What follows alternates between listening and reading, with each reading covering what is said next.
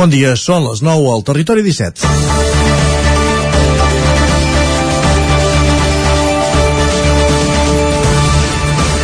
Després de tres setmanes de guerra hem conegut iniciatives solidàries i socials per fer arribar ajuda humanitària i xuplugar els que fugen de les bombes. Avui ens fixem en una altra causa solidària que s'expressa a nivell mundial, però que també té el seu efecte dins del territori 17. Es tracta de Science of Ukraine, una iniciativa internacional que pretén donar cobertura a científics ucraïnesos, donant-los feina en laboratoris on puguin continuar la seva recerca.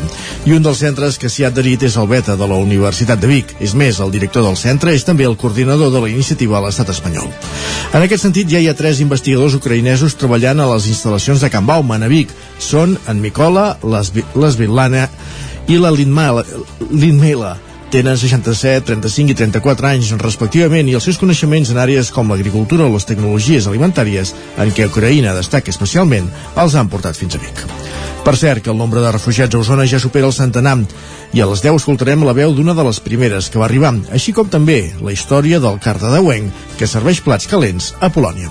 És divendres, 18 de març, comença el Territori 17 a la sintonia de Ràdio Cardedeu, la veu de Sant Joan, Ona Codinenca, Ràdio Vic, el 9 FM i el 9 TV. Territori 17, amb Isaac Moreno i Jordi Sunyer.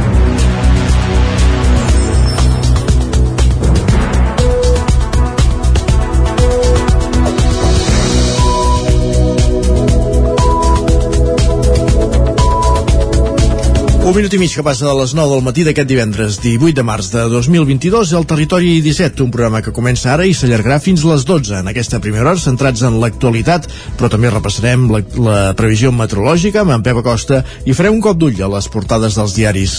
Avui que és divendres també a les portades del 9-9. A partir de les 10, més notícies, més no, eh, actualitzarem la informació meteorològica i a l'entrevista. Avui ens visita el síndic municipal de Vic, Joan Sala, que la setmana passada al ple fe, presentava la memòria d'activitats de l'any 2021. En Guillem Sánchez, amb en Guillem Sánchez repassarem el més important, el més destacat que ha trobat a Twitter, passarem per la taula de redacció i abans de les 11 farem la, un repàs a l'agenda esportiva per saber quins són els compromisos dels equips i esportistes del territori 17 aquest cap de setmana. A les 11 notícies i a partir d'un quart de 12 arribarà Jaume Espuny amb una nova peça, amb, una nova, o un nou dels seus clàssics musicals. Avui ens el presentarà. Com dèiem, serà a partir d'un quart de dotze i a la recta final del programa passarem com, per l'R3 com cada dia amb l'Isaac Muntades des de la veu de Sant Joan i les seves cròniques diàries des del tren. A la Foc Lent, avui l'Òscar Muñoz des de Ràdio Televisió Cardedeu ens presentarà una nova recepta i proposta gastronòmica i acabarem el programa fent un repàs a l'agenda del cap de setmana. Tot això, com dèiem, des d'ara fins a les 12 i el primer que toca, doncs, és posar-nos al dia, actualitzar-nos amb les notícies més destacades de les nostres comarques, Osona, el Ripollès, el Moianès i el Vallès Oriental. L'Ajuntament de Sant Julià de Vilatorta expressa, que, expressa en un ple urgent i extraordinari que només la Fundació Privada Puig i Cunyer pot evitar el tancament del Col·legi El Roser. Tot i això, i tenint en compte que dilluns que ve s'acaba el termini per les preinscripcions, en ple, el ple en bloc va aprovar una moció demanant al Departament d'Educació que es pugui obrir una nova convocatòria per inscriure els alumnes si l'escola finalment no tanca. Clàudia Dinarès. Abans de cloure el termini de preinscripcions pel curs vinent, que s'acaba dilluns que ve, no hi haurà novetats sobre si és possible revertir revertir el tancament del col·legi al Roser. Així mateix ho expressava en sessió plenària extraordinària l'alcalde de Sant Julià de Vilatorta, Joan Carles Rodríguez.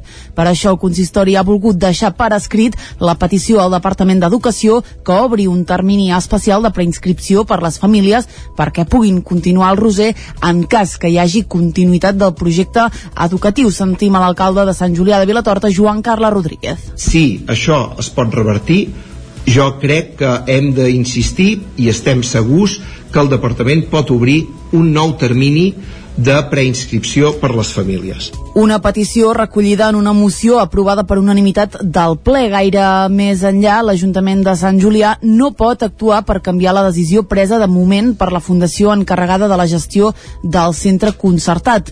Ni la comunitat educativa, és a dir, les famílies i el professorat, concentrats abans del ple davant del consistori, ni tampoc l'Ajuntament han pogut veure encara cap documentació oficial que permeti comprovar els motius econòmics esgrimits per la Fundació Puig i Cunyer utilitzats per justificar el tancament del col·legi Joan Carles Rodríguez.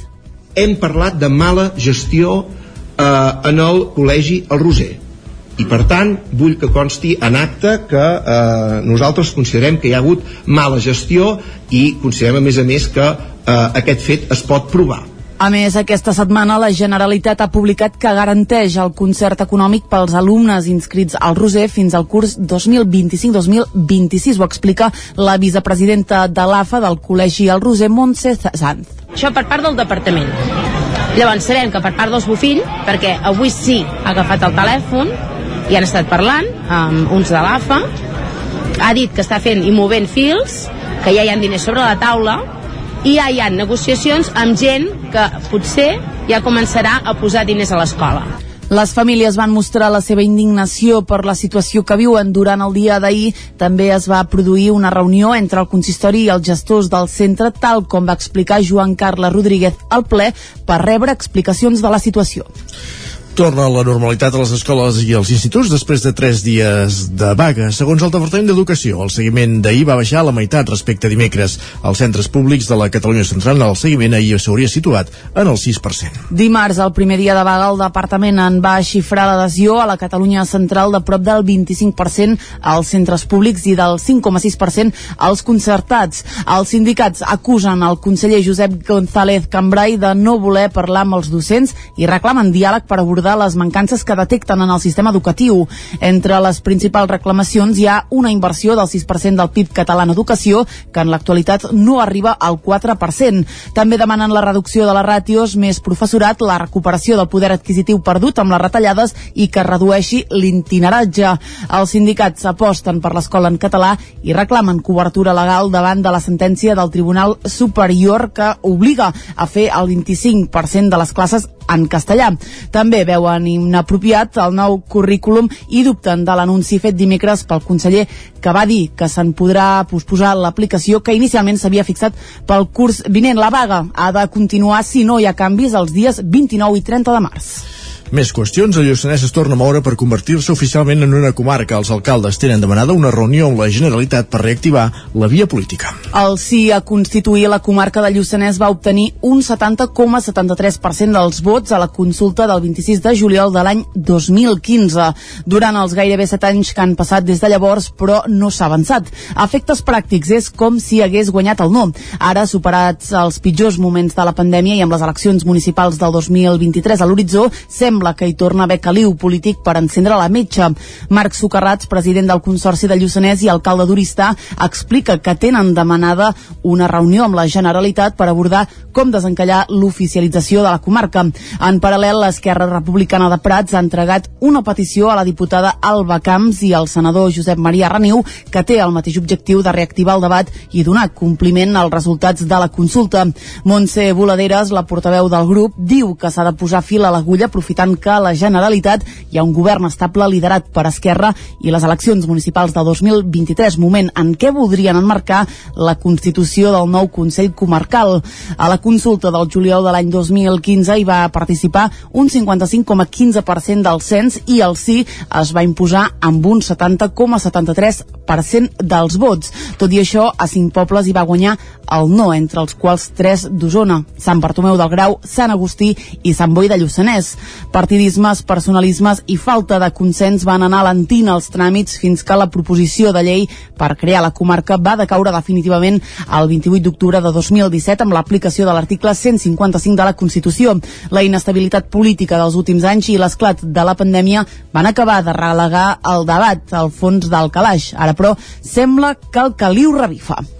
Ho anirem seguint. Més qüestions. La viabilitat de l'escorxador comarcal del Ripollès millora després de passar de 6 a 17 socis en un sol any. Isaac Muntades, des de la veu de Sant Joan. El futur de l'escorxador comarcal del Ripollès, ubicat al polígon de la Barricona de Ripoll i que està en funcionament des de l'any 1990, s'ha esclarit gràcies a l'ampliació de suport econòmic dels ajuntaments de la comarca i de socis, que han passat de ser 6 a 17 en només un any. Cal recordar que el passat mes de juliol, Unió de Pagesos va enviar una carta a tots els consistoris de la comarca demanant que tal com es va informar i debatre el Consell d'Alcaldes del gener del 2021, necessitaven que els municipis es fessin socis de l'escorxador perquè es poguessin fer les millores a l'equipament que en garantissin la viabilitat. L'última millora important que es va fer a l'escorxador va ser l'any 2011 amb la construcció d'una depuradora i altres obres per un import de 400.000 euros. La representant d'Unió de Pagesos al Ripollès va apuntar que els ajuntaments han comprat accions i han aportat una determinada quantitat en proporció als seus habitants. Serrat va apuntar que el Consell Comarcal hi ha aportat 20.000 euros i que van aconseguir un ajut del Departament d'Acció Climàtica per un import de 60.000 euros per ajudar els petits escorxadors que va sol·licitar l'Agència de Desenvolupament del Ripollès. En principi es necessiten uns 200.000 euros per fer un pla de xoc per afrontar les despeses de totes les millores necessàries, però esperen obtenir-los de subvencions de la Generalitat. Serrat es mostrava satisfeta d'aquesta inversió. Per nosaltres és una aposta molt important, perquè és una infraestructura molt necessària i tant de bo moltes uh,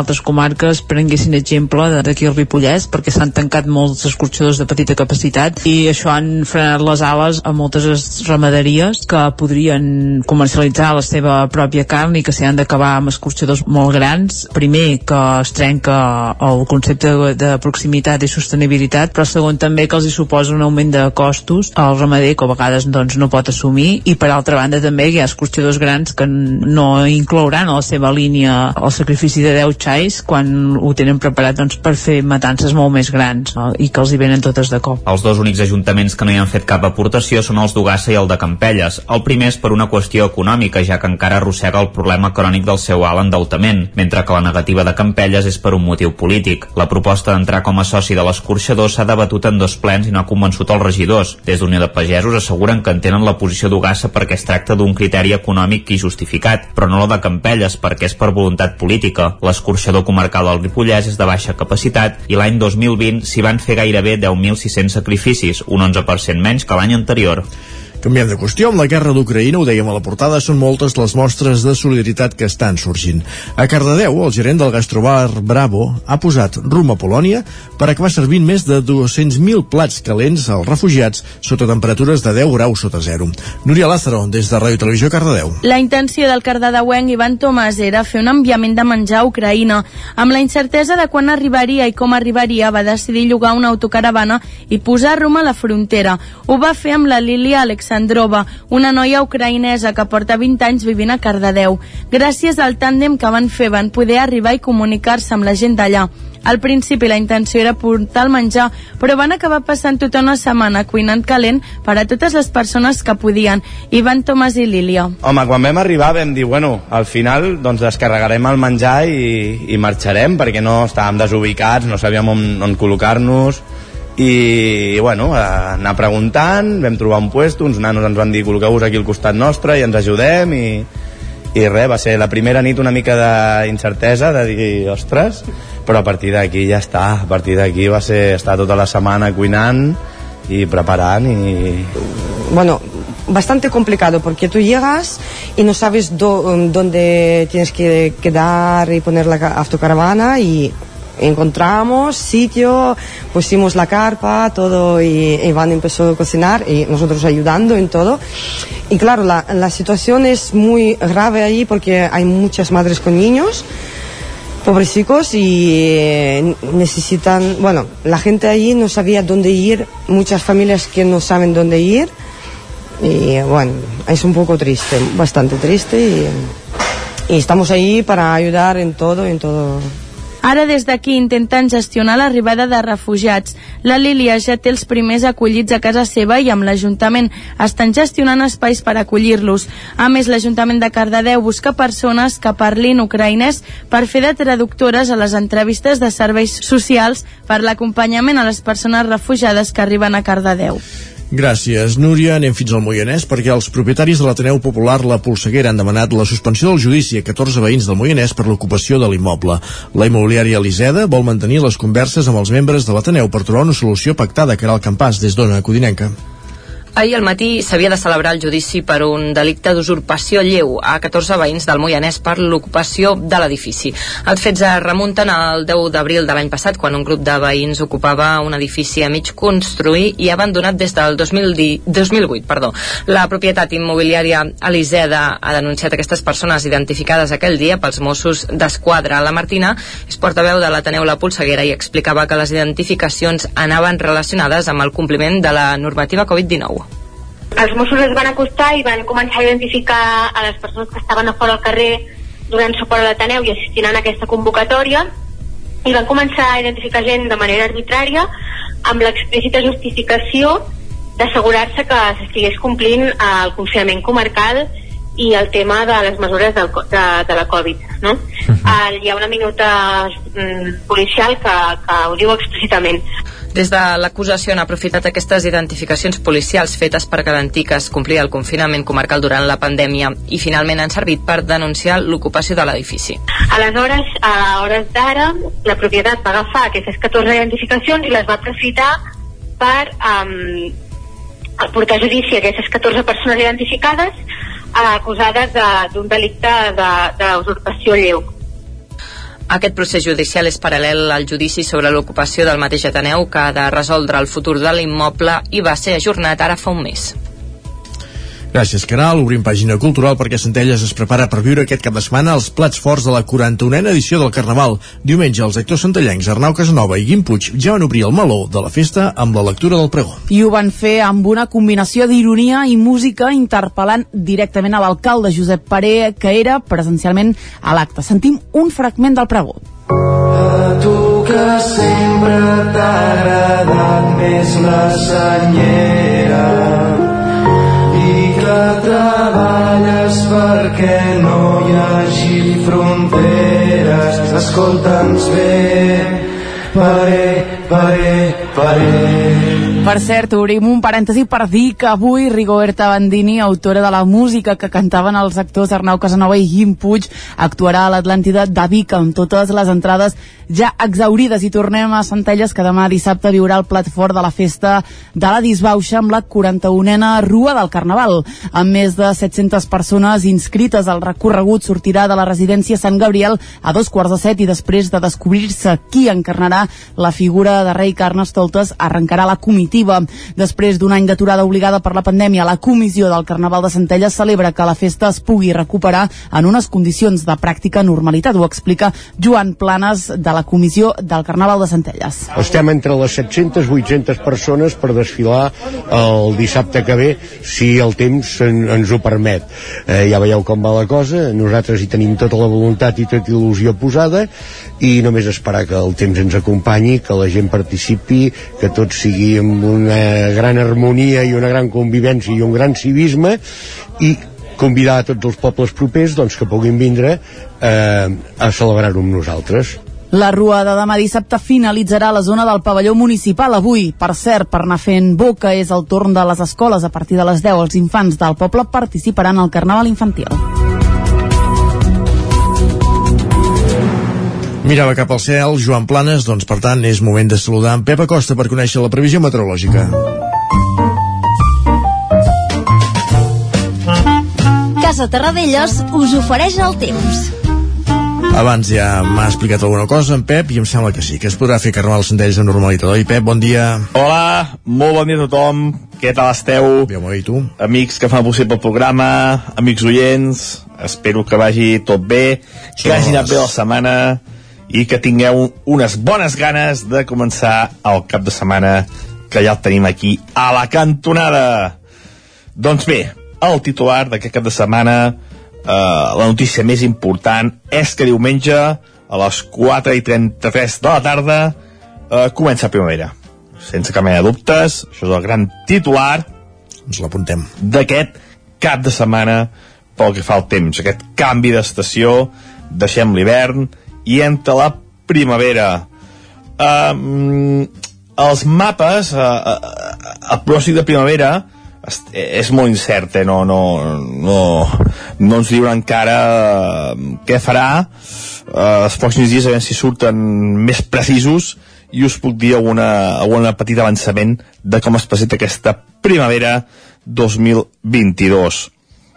El que diuen els experts, això sí, que és una informació, diríem, de servei, és que per la gent que té al·lèrgia serà una primavera molt dolenta.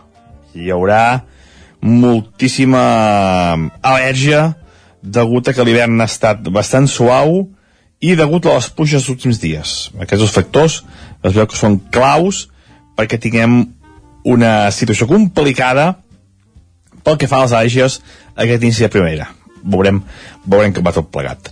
Pel que fa al temps, anem ja per la informació meteorològica, anem pel temps, continuem amb el mateix patró de temps, uh, ja fa molts dies que dura aquest uh, cel tapat, aquesta mala visibilitat, aquests vents de sud, aquesta pols en suspensió, i durant uns quants dies més, eh, tenim una situació meteorològica bastant eh, que ha fet eh, diríem que ha fet la, la volta com un mitjó eh? vam tenir molts dies de, de sol, moltíssims dies de sol sense cap núvol i ara ja fa forces dies que tenim aquesta situació amb molts núvols els menys de sud i una situació inestable s'ha de dir que eh, no acaba de ploure molt eh, sort de dissabte passat que és el dia que va ploure més uh, aquests dies no plou tant, eh? No, no hi ha una precipitació generalitzada i, uh, i que plogui fort, uh, ni molt menys. Són petits ruixats d'un, dos, tres litres a les nostres comarques. I avui no serà cap excepció. Avui continuem amb, aquests, amb aquest temps inestable i amb aquestes poques pluges. I una novetat, aquests vents de, de sud, de llevant, gira una mica a gregal, una mica a nord, i baixarà una mica la temperatura les màximes es mouran entre els 12, 13, 14 graus a tot estirar i les mínimes entre els 7, 8, 9 a destacar, mm, una vegada més aquesta poca amplitud tèrmica uh, molt poc marge entre les temperatures màximes i les mínimes demà el temps serà molt semblant al d'avui molta inestabilitat molts núvols però poques precipitacions i la tarda de dissabte és quan més clarianes i més sol tindrem. Encara que està un sol bastant esmorteït, però serà el dia més clarianes. Les temperatures molt semblants a les d'avui. I diumenge, per contra, serà el dia més inestable del cap de setmana. Ens torna a afectar un petit front, amb pluges més generals, afectarà quasi bé les poblacions de les comarques, això sí, poc intenses. I els mapes preveuen pluges entre els 5 i els 10 litres a tot estirar. Uh, per tant, no serà una precipitació molt important, però sí que diumenge pot afectar a moltíssimes poblacions. I les temperatures molt a ratlla, molt semblants, màximes 12-13 graus, les mínimes entre els 7 i els 8. Ja veieu, el cap de setmana fresquet, bastanta fresca, i molt poc contrast tèrmic entre el dia i la nit, i molta inestabilitat i el dia més plujós serà diumenge. Diumenge és el dia que més plourà. Això és tot. A disfrutar el cap de setmana i a disfrutar aquest inici de la primavera de l'any 2022. Adeu. Per tant, tranquil·litat pel canal de les Centelles, diumenge, que no hi ha tanta activitat, sí que plourà. Pepa Costa, gràcies. Parlem d'aquí una estona. Casa Tarradellas us ha ofert aquest espai. Moment ara d'entrar al quiosc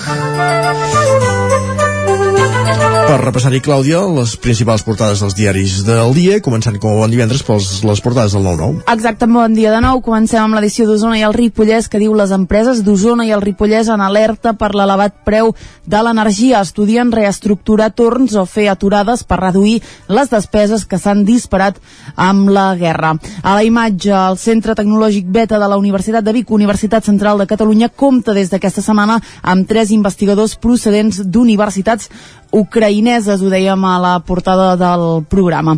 Altres titulars, malestar al Lluçanès per la supressió del servei d'urgències durant les nits. Rosa Morral, directora d'assistencial del Consorci Hospitalari de Vic, també ho serà de l'Hospital de Can de Bànol i eh, en esports Teixidor i Tudi Noguer es fan càrrec del Voltregà.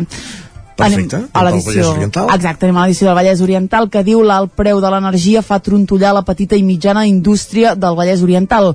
Empreses de la comarca tanquen torns o aturen la producció perquè el rebut de la llum s'ha multiplicat per 3,5 en 10 mesos. Un titular molt similar al que veiem a l'edició de la- d'Osona i del Ripollès. Altres titulars, obert al públic el controvertit bingo a l'antiga discoteca Teatre de Mollet, l'alcalde de Vallromanes no optarà a la reelecció i l'arxiu de Granollers ja custodia el fons Miquel Blancher. Perfecte, anem pels diaris que s'editen a Barcelona i comencem pel punt avui. Anem al punt que diu criminals de guerra. Rússia castiga la població amb bombardejos a les grans ciutats. Ucraïna s'exclama per la tria d'objectius civils aquí i també a Mariupol. Avui també és notícia la Rosalia, eh, perquè sí. ha tret disc, Isaac. Correcte. La cantant de Sant Esteve Sarrovira es publica Motomami, un treball ple de referències sobre la fama i la família. La Rosalia la veurem en altres titulars de les portades catalanes. Uh, uh, de moment encara en el punt avui el Barça supera el Galatasaray i continua viu a Europa. Anem a l'ara que diu Zelensky retreu a Berlín que no fa prou per parar la guerra. El president ucraïnès apela a la, res- a la responsabilitat històrica del país en un dur discurs al Bundestag. Educació, canviem de tema, publicita el nou batxillerat sense consultar abans els centres d'ensenyament i Rosalia diu luxe, ràbia, sexe i talent musical a dojo. Rosalia hagués portat a tots els diaris, per nosaltres avui la, el, el titular és la Rigoberta, eh, que actua a l'Atlàntida. Exacte. Més qüestions, I va, tant. més portades.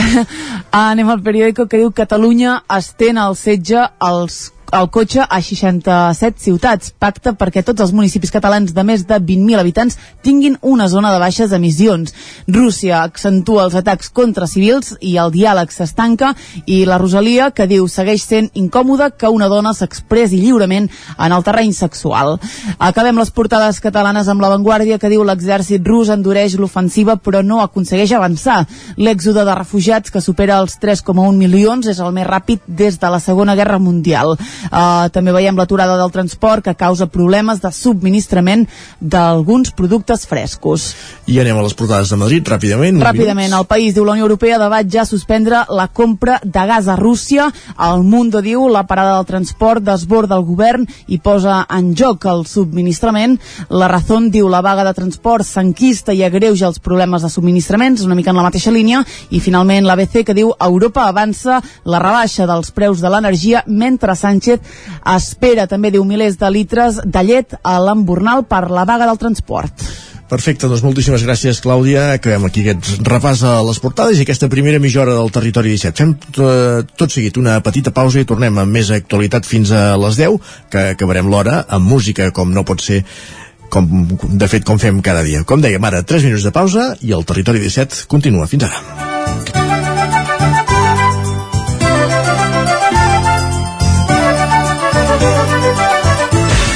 El nou FM, la ràdio de casa, al 92.8. La vida i la naturalesa han portat Ernest Gingó a crear el seu primer disc i tu el pots ajudar a fer-lo realitat. Busca Seguint la Natura a la pàgina web Verkami i podràs fer la teva aportació econòmica a canvi del disc i d'alguns instruments artesanals que ha construït amb el seu pare, fuster de professió. Ajuda l'Ernest Gingó a fer realitat aquest primer disc que fa un viatge musical per la connexió amb la naturalesa. I un sentiment. A El Racó de León ja és primavera. Gaudeix de la nostra terrassa. Vine a tastar les xuletilles de lechal a la brasa amb una bona amanida o el xuletón de vedella gallega. No et pots perdre el nostre lechado de Castilla al forn o el cochinillo a l'estil de Segovia. Tot acompanyat del millor celler, al menjador o fora la terrassa. Descobreix la millor cuina de Lleó sense moure't de casa. Vine amb la família, els amics, la parella o sol. T'encantarà. El racó de León, cuina tradicional lleonesa i de mercat. Som al carrer Torelló número 35 de Vic. Per reserves, telèfon 93 889 1950. El racó de León, una cuina diferent. Això és el que s'escolta al voltant d'una caldera saunia d'Oval. Tranquilitat i benestar, perquè gaudeix del millor manteniment del servei tècnic oficial per estar despreocupat. O el que vulgui. Informis a Oficiat Nord trucant al 938860040. Saunier Duval, sempre al seu costat. Al restaurant Xavito Gastro de Vic hi trobaràs una cuina mediterrània i de mercat amb gran varietat de plats, amb arrossos, carn o peix fresc de la llotja cada dia. Vine a dinar de dimarts a divendres i prova el nostre menú diari per només 15 euros o a les nits de dijous a diumenge tastar el nostre menú degustació amb arrossos i tapes per 25 euros. Restaurant Xamito Gastro. Ens trobaràs al carrer Call Nou número 9 de Vic i al telèfon 93 094 1172 o al 747 42 92 58. Coberta serveis funeraris. Els nostres tanatoris estan ubicats en els nuclis urbans més poblats de la comarca d'Osona per oferir un millor servei. Tanatori de Vic, Tanatori de Manlleu, Tanatori de Centelles i Tanatori de Roda de Ter. Sabem que són moments difícils i per això el nostre compromís és atendre-us en tot moment amb un tracte humà, sensible i respectuós. Coberta serveis funeraris. Telèfon 24 hores 93 883 23 46. Anuncia't al 9FM. La màquina de casa. 9 3 8 8 9 4 9 4 9. Publicitat arroba al 9FM.cat. Anuncia't al 9FM. La publicitat més eficaç. El 9 FM, el 9 FM, el 9 FM, el 9 FM. En punt dos quarts de 10 al territori 17. Territori 17, amb Isaac Moreno i Jordi Sunyer.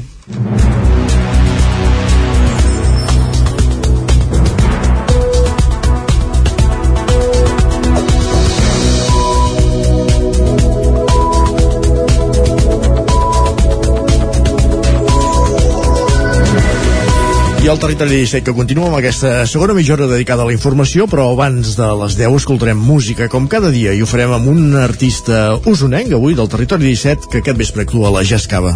Fins aquí podem llegir ara mateix. Després us presentem la cançó, l'artista i l'EP des del qual l'extraiem.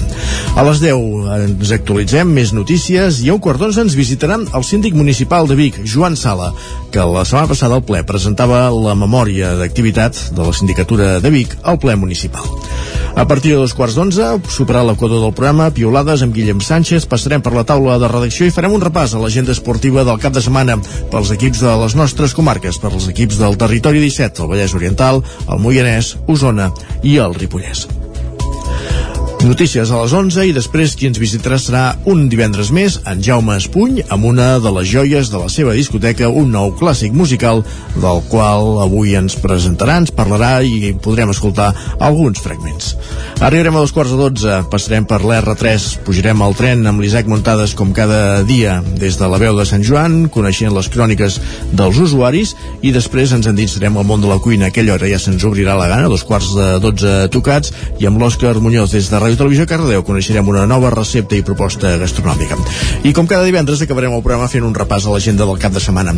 Aquest és el menú del Territori 17 d'avui, 18 de març de 2022, divendres, que continua, com dèiem, tot seguit amb les notícies més destacades de les nostres comarques, Osona, el Ripollès, el Moianès i el Vallès Oriental. L'Ajuntament de Sant Julià de Vilatorta expressa, que, expressa en un ple urgent i extraordinari que només la Fundació Privada Puig i Cunyer pot evitar el tancament del Col·legi El Roser.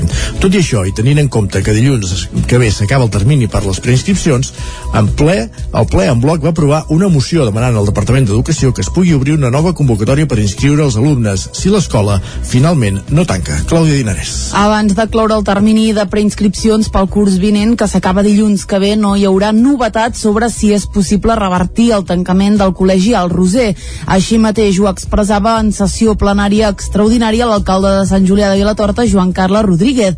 Per això el consistori ha volgut deixar per escrit la petició al Departament d'Educació que obri un termini especial de preinscripció per les famílies perquè puguin continuar al Roser en cas que hi hagi continuïtat del projecte educatiu. Sentim a l'alcalde de Sant Julià de Vilatorta, Joan Carles Rodríguez. Si això es pot revertir, jo crec que hem d'insistir i estem segurs que el departament pot obrir un nou termini de preinscripció per les famílies. Una petició recollida en una moció aprovada per unanimitat del ple. Gaire més enllà, l'Ajuntament de Sant Julià no pot actuar per canviar la decisió presa de moment per la Fundació encarregada de la gestió del centre concertat. Ni la comunitat educativa, és a dir, les famílies i el professorat, concentrats abans del ple davant del consistori, ni tampoc l'Ajuntament han pogut veure encara cap documentació oficial que permeti comprovar els motius econòmics esgrimits per la Fundació Puig i Cunyer utilitzats per justificar el tancament del col·legi Joan Carles Rodríguez. Hem parlat de mala gestió eh, en el col·legi El Roser i per tant vull que consti en acte que eh, nosaltres considerem que hi ha hagut mala gestió i considerem a més a més que eh, aquest fet es pot provar A més, aquesta setmana la Generalitat ha publicat que garanteix el concert econòmic pels alumnes inscrits al Roser fins al curs 2025-2026. Ho explica la vicepresidenta de l'AFA del Col·legi al Roser, Montse Sanz. Això per part del departament. Llavors sabem que per part dels Bofill, perquè avui sí ha agafat el telèfon i han estat parlant amb uns de l'AFA, ha dit que està fent i movent fils, que ja hi ha diners sobre la taula i ja hi ha negociacions amb gent que potser ja començarà a posar diners a l'escola. Les famílies van mostrar la seva indignació per la situació que viuen durant el dia d'ahir. També es va produir una reunió entre el consistori i els gestors del centre, tal com va explicar Joan Carles Rodríguez al ple, per rebre explicacions de la situació. Torna la normalitat a les escoles i als instituts després de tres dies de vaga. Segons el Departament d'Educació, el seguiment d'ahir va baixar a la meitat respecte a dimecres. Als centres públics de la Catalunya Central el seguiment ahir s'hauria situat en el 6%. Dimarts, el primer dia de vaga, el departament en va xifrar l'adhesió a la Catalunya Central de prop del 25% als centres públics i del 5,6% als concertats. Els sindicats acusen el conseller Josep González Cambrai de no voler parlar amb els docents i reclamen diàleg per abordar les mancances que detecten en el sistema educatiu. Entre les principals reclamacions hi ha una inversió del 6% del PIB català en educació, que en l'actualitat no arriba al 4%. També demanen la reducció de les ràtios, més professorat, la recuperació del poder adquisitiu perdut amb les retallades i que redueixi l'itineratge. Els sindicats aposten per l'escola en català i reclamen cobertura legal davant de la sentència del Tribunal Superior que obliga a fer el 25% de les classes en castellà. També veuen inapropiat el nou currículum i dubten de l'anunci fet dimecres pel conseller que va dir que se'n podrà posposar l'aplicació que inicialment s'havia fixat pel curs vinent. La vaga ha de continuar si no hi ha canvis els dies 29 i 30 de març. Més qüestions, el Lluçanès es torna a moure per convertir-se oficialment en una comarca. Els alcaldes tenen demanada una reunió amb la Generalitat per reactivar la via política. El sí a constituir la comarca de Lluçanès va obtenir un 70,73% dels vots a la consulta del 26 de juliol de l'any 2015. Durant els gairebé 7 anys que han passat des de llavors, però no s'ha avançat. Efectes pràctics és com si hagués guanyat el no. Ara, superats els pitjors moments de la pandèmia i amb les eleccions municipals del 2023 a l'horitzó, sembla que hi torna a haver caliu polític per encendre la metxa. Marc Socarrats, president del Consorci de Lluçanès i alcalde d'Oristà, explica que tenen demanada una reunió amb la Generalitat per abordar com desencallar l'oficialització de la comarca. En paral·lel, l'Esquerra Republicana de Prats ha entregat una petició a la diputada Alba Camps i al senador Josep Maria Reniu, que té el mateix objectiu de reactivar el debat i donar compliment als resultats de la consulta. Montse Voladeres, la portaveu del grup, diu que s'ha de posar fil a l'agulla aprofitant que a la Generalitat hi ha un govern estable liderat per Esquerra i les eleccions municipals del 2023, moment en què voldrien enmarcar la constitució del nou Consell Comarcal. A la consulta del juliol de l'any 2015 hi va participar un 55,15% del cens i el sí es va imposar amb un 70,73% dels vots. Tot i això, a cinc pobles hi va guanyar el no, entre els quals tres d'Osona, Sant Bartomeu del Grau, Sant Agustí i Sant Boi de Lluçanès. Partidismes, personalismes i falta de consens van anar lentint els tràmits fins que la proposició de llei per crear la comarca va decaure definitivament el 28 d'octubre de 2017 amb l'aplicació de l'article 155 de la Constitució. La inestabilitat política dels últims anys i l'esclat de la pandèmia van acabar de relegar el debat al fons del calaix. Ara, però, sembla que el caliu revifa. Ho anirem seguint. Més qüestions. La viabilitat de l'escorxador comarcal del Ripollès millora després de passar de 6 a 17 socis en un sol any. Isaac Muntades, des de la veu de Sant Joan. El futur de l'escorxador comarcal del Ripollès, ubicat al polígon de la Barricona de Ripoll i que està en funcionament des de l'any 1990, s'ha esclarit gràcies a l'ampliació de suport econòmic dels ajuntaments de la comarca i de socis, que han passat de ser 6 a 17 en només un any. Cal recordar que el passat mes de juliol, Unió de Pagesos va enviar una carta a tots els consistoris de la comarca demanant que tal tal com es va informar i debatre el Consell d'Alcaldes del gener del 2021, necessitaven que els municipis es fessin socis de l'escorxador perquè es poguessin fer les millores a l'equipament que en garantissin la viabilitat. L'última millora important que es va fer a l'escorxador va ser l'any 2011 amb la construcció d'una depuradora i altres obres per un import de 400.000 euros. El representant d'Unió de Pagesos al Ripollès va apuntar que els ajuntaments han comprat accions i han aportat una determinada quantitat en proporció als seus habitants. Serrat va apuntar que el Consell Comarcal hi ha aportat 20.000 euros i que van aconseguir un ajut del Departament d'Acció Climàtica per un import de 60.000 euros per ajudar els petits escorxadors que va sol·licitar l'Agència de Desenvolupament del Ripollès. En principi es necessiten uns 200.000 euros per fer un pla de xoc per afrontar les despeses de totes les millores necessàries, però esperen obtenir-los de subvencions de la Generalitat. Serrat es mostrava satisfeta d'aquesta inversió. Per nosaltres és una aposta molt important, perquè és una infraestructura molt necessària i tant de bo moltes uh, altres comarques prenguessin exemple d'aquí al Ripollès, perquè s'han tancat molts escorxadors de petita capacitat i això han frenat les ales a moltes ramaderies que podrien comercialitzar la seva pròpia carn i que s'hi han d'acabar amb escorxadors molt grans. Primer, que es trenca el concepte de, proximitat i sostenibilitat, però segon també que els hi suposa un augment de costos al ramader que a vegades doncs, no pot assumir i per altra banda també hi ha escorxadors grans que no inclouran a la seva línia el sacrifici de 10 xais quan ho tenen preparat doncs, per fer matances molt més grans no? i que els hi venen totes de cop. Els dos únics ajuntaments que no hi han fet cap aportació són els d'Ugassa i el de Campelles. El primer és per una qüestió econòmica, ja que encara arrossega el problema crònic del seu alt endeutament, mentre que la negativa de Campelles és per un motiu polític. La proposta d'entrar com a soci de l'escorxador s'ha debatut en dos plens i no ha convençut els regidors. Des d'Unió de Pagesos asseguren que entenen la posició d'Ugassa perquè es tracta d'un criteri econòmic i justificat, però no la de Campelles perquè és per voluntat política. L'escorxador comarcal del Ripollès és de baixa capacitat i l'any 2020 s'hi van fer gairebé 10.600 sacrificis, un 11% menys que l'any anterior. Canviem de qüestió, amb la guerra d'Ucraïna, ho dèiem a la portada, són moltes les mostres de solidaritat que estan sorgint. A Cardedeu, el gerent del gastrobar Bravo ha posat rum a Polònia per acabar servint més de 200.000 plats calents als refugiats sota temperatures de 10 graus sota zero. Núria Lázaro, des de Ràdio Televisió Cardedeu. La intenció del cardedeuenc Ivan Tomàs era fer un enviament de menjar a Ucraïna. Amb la incertesa de quan arribaria i com arribaria, va decidir llogar una autocaravana i posar rum a la frontera. Ho va fer amb la Lilia Alexandrova, una noia ucraïnesa que porta 20 anys vivint a Cardedeu. Gràcies al tàndem que van fer van poder arribar i comunicar-se amb la gent d'allà. Al principi la intenció era portar el menjar, però van acabar passant tota una setmana cuinant calent per a totes les persones que podien. Ivan Tomàs i Lília. Home, quan vam arribar vam dir, bueno, al final doncs descarregarem el menjar i, i marxarem perquè no estàvem desubicats, no sabíem on, on col·locar-nos i bueno, anar preguntant vam trobar un puesto, uns nanos ens van dir col·loqueu-vos aquí al costat nostre i ens ajudem i, i res, va ser la primera nit una mica d'incertesa, de dir, ostres, però a partir d'aquí ja està, a partir d'aquí va ser estar tota la setmana cuinant y preparan y... Bueno, bastante complicado porque tú llegas y no sabes dónde tienes que quedar y poner la autocaravana y encontramos sitio, pusimos la carpa, todo y Iván empezó a cocinar y nosotros ayudando en todo. Y claro, la, la situación es muy grave ahí porque hay muchas madres con niños pobrecicos y eh, necesitan, bueno, la gente ahí no sabía dónde ir, muchas familias que no saben dónde ir y bueno, es un poco triste, bastante triste y, y estamos ahí para ayudar en todo, en todo. Ara des d'aquí intenten gestionar l'arribada de refugiats.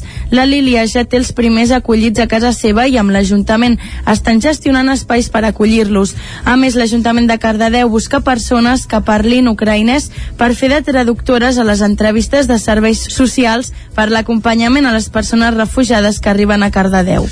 Gràcies, Núria. Anem fins al Moianès perquè els propietaris de l'Ateneu Popular La Polseguera han demanat la suspensió del judici a 14 veïns del Moianès per l'ocupació de l'immoble. La immobiliària Eliseda vol mantenir les converses amb els membres de l'Ateneu per trobar una solució pactada que era el campàs des d'Ona Codinenca.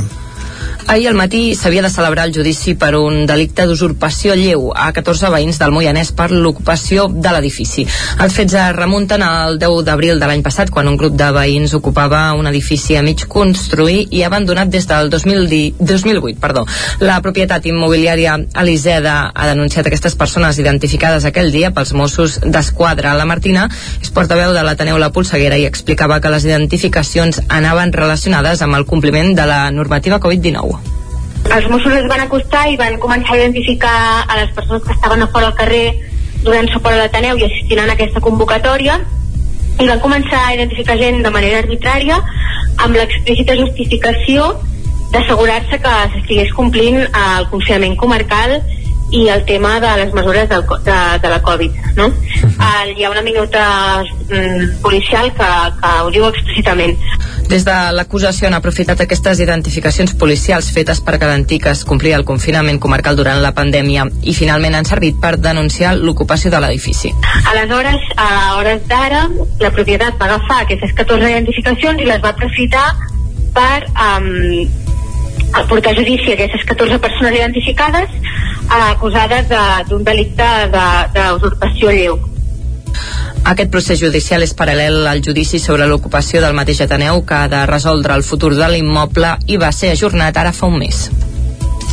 Gràcies, Caral. Obrim pàgina cultural perquè Centelles es prepara per viure aquest cap de setmana els plats forts de la 41a edició del Carnaval. Diumenge, els actors centellencs Arnau Casanova i Guim Puig ja van obrir el meló de la festa amb la lectura del pregó. I ho van fer amb una combinació d'ironia i música interpel·lant directament a l'alcalde Josep Paré, que era presencialment a l'acte. Sentim un fragment del pregó.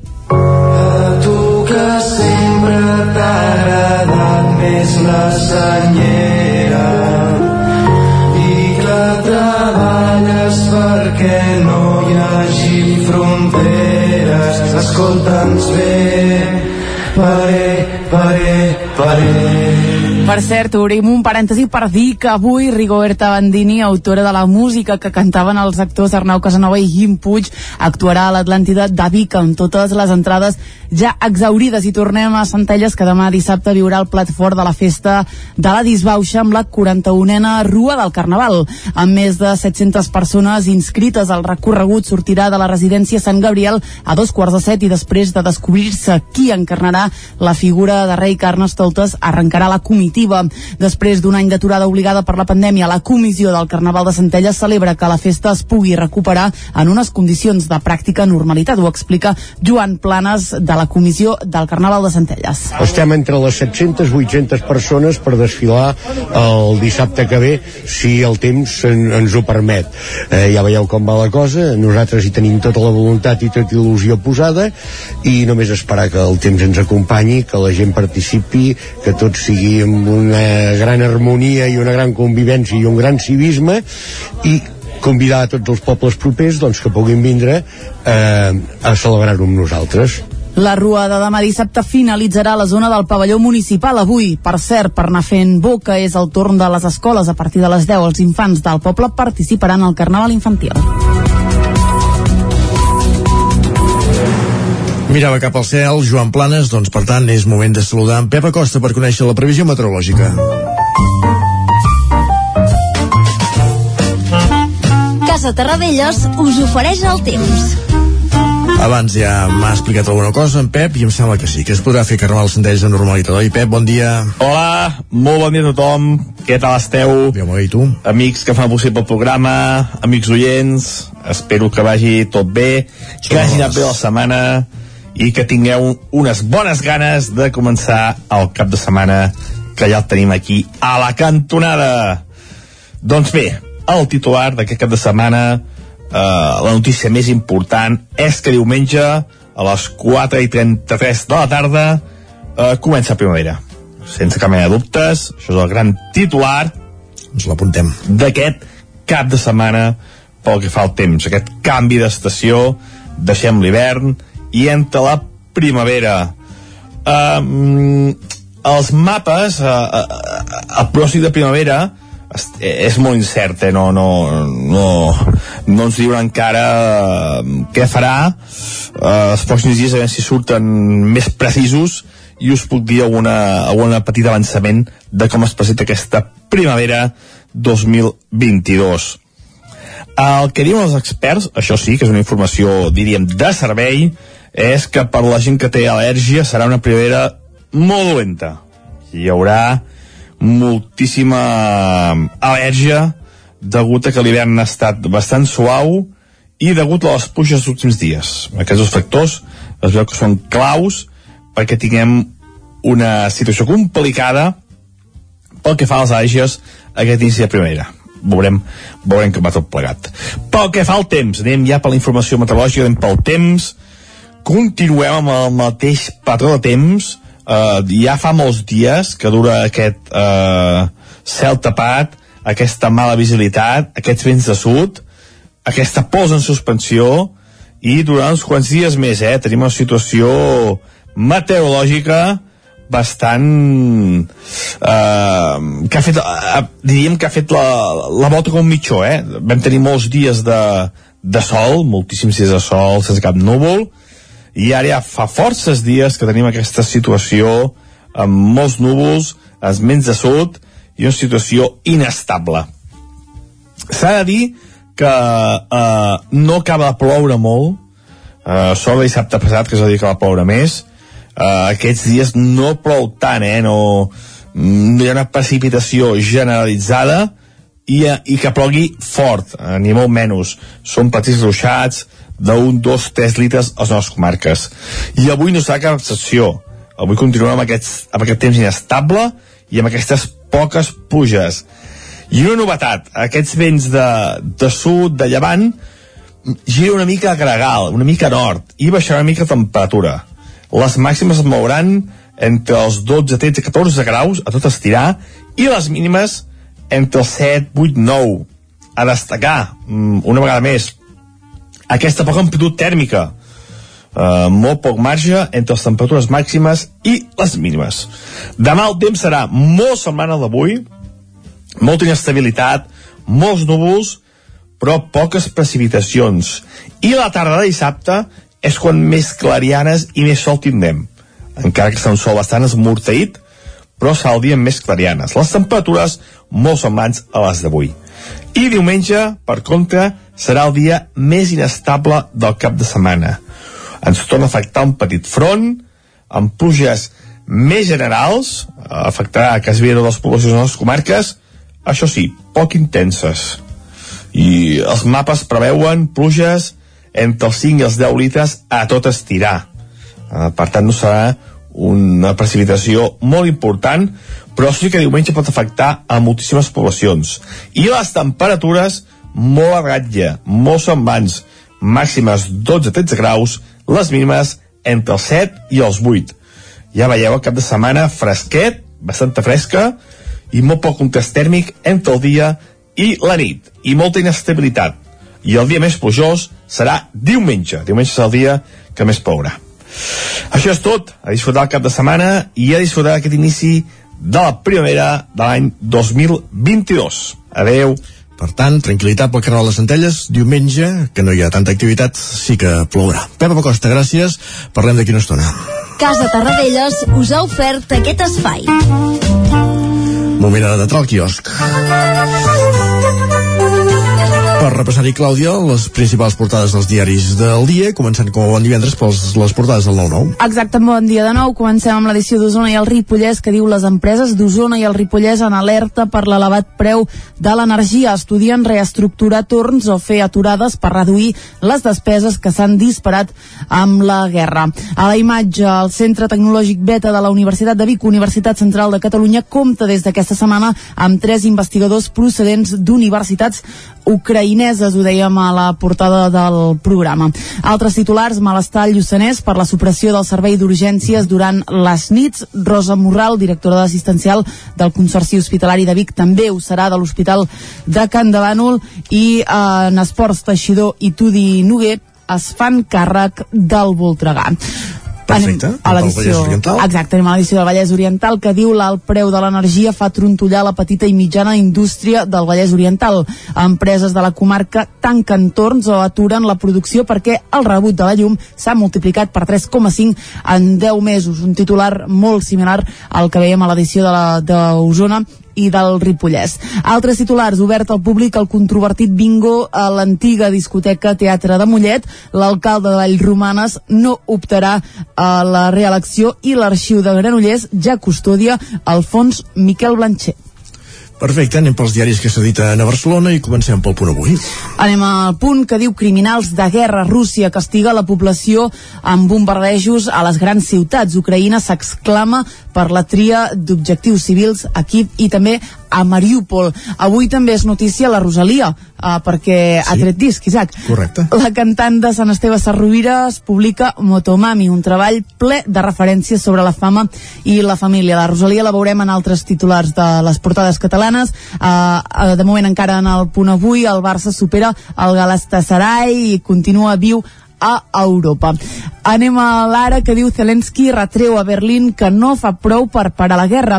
El president ucraïnès apela a la, a la responsabilitat històrica del país en un dur discurs al Bundestag. Educació, canviem de tema, publicita el nou batxillerat sense consultar abans els centres d'ensenyament i Rosalia diu luxe, ràbia, sexe i talent musical a dojo.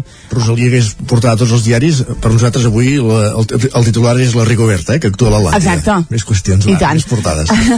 Anem al periòdico que diu Catalunya estén el setge als el cotxe a 67 ciutats. Pacte perquè tots els municipis catalans de més de 20.000 habitants tinguin una zona de baixes emissions. Rússia accentua els atacs contra civils i el diàleg s'estanca i la Rosalia que diu segueix sent incòmode que una dona s'expressi lliurement en el terreny sexual. Acabem les portades catalanes amb l'avantguàrdia que diu l'exèrcit rus endureix l'ofensiva però no aconsegueix avançar. L'èxode de refugiats que supera els 3,1 milions és el més ràpid des de la Segona Guerra Mundial. Uh, també veiem l'aturada del transport que causa problemes de subministrament d'alguns productes frescos. I anem a les portades de Madrid, ràpidament. Ràpidament, el país diu la Unió Europea debat ja suspendre la compra de gas a Rússia. El Mundo diu la parada del transport desborda el govern i posa en joc el subministrament. La Razón diu la vaga de transport s'enquista i agreuja els problemes de subministraments, una mica en la mateixa línia. I finalment l'ABC que diu Europa avança la rebaixa dels preus de l'energia mentre Sánchez espera també diu milers de litres de llet a l'embornal per la vaga del transport. Gràcies, Clàudia. Evidentment són titulars de la premsa madrilenya. El problema amb els subministraments d'aliments directes és més en punts on, de l'estat espanyol on aquesta vaga de transportistes té més incidència, com comentàvem ahir a la zona d'Andalusia i Galícia. Sí que ens arribava un comunicat que, per exemple, els ports de Tarragona i Barcelona, on també hi ha acció d'aquests piquets per aquesta vaga de transportistes, eh, Uh, això dificulta la sortida de, del cereal cap a la indústria del pinso i cap a la indústria de la carn d'aquests ports. Són qüestions a les quals anirem parlant perquè malauradament la, les conseqüències de, de la guerra continuen estant a, a l'ordre del dia. Com sempre, per desengreixar, el que fem és posar-hi música en aquesta recta final de la primera hora del Territori 17 i avui per escoltar Pau Pratso, un músic usonenc que actua aquest divendres, avui a les 10 del vespre, a la Jazz Cava per presentar el seu primer EP titulat Malabufa. El cantautor de GURB actuarà acompanyat d'Edu Vergés, Edu Fernández i Martí González. Com dèiem, escoltem una de les cançons d'aquest Malabufa, la cançó que porta per títol Torratge. amb les branques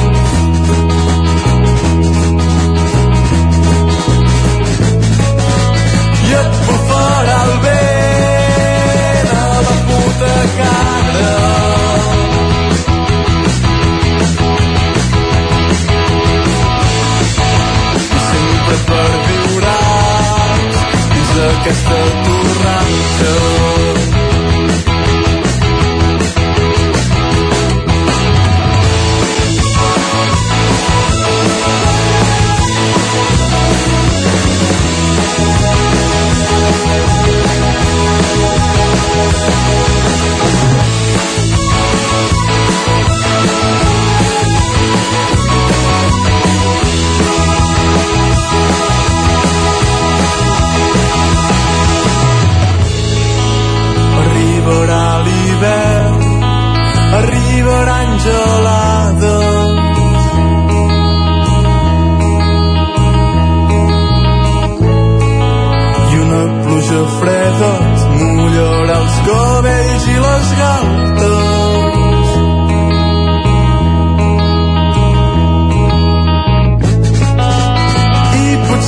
perdràs quan vingui la boirada.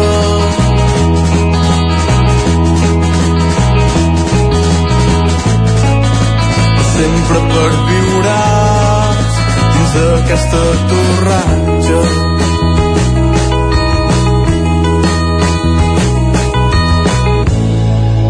I passaran els anys seguiràs obstinada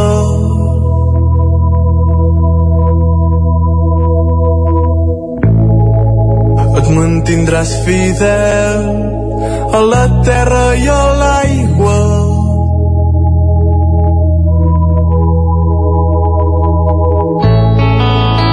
I vindran uns nens que et diran mare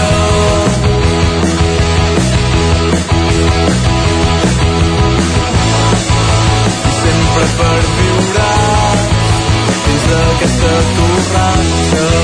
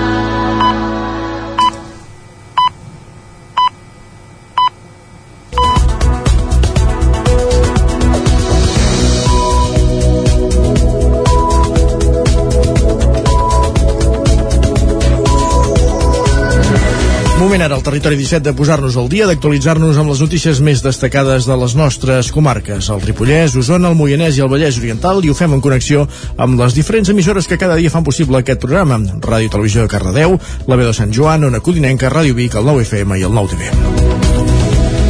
S'ha presentat a Vic el Pacte Nacional per la Llengua, que en les properes setmanes es donarà a conèixer a 15 ciutats més de tot Catalunya. L'acte, presidit per la consellera de Cultura, Natàlia Garriga, es va fer en un indret simbòlic, l'espai ETC, amb la voluntat d'arribar al màxim de la població possible.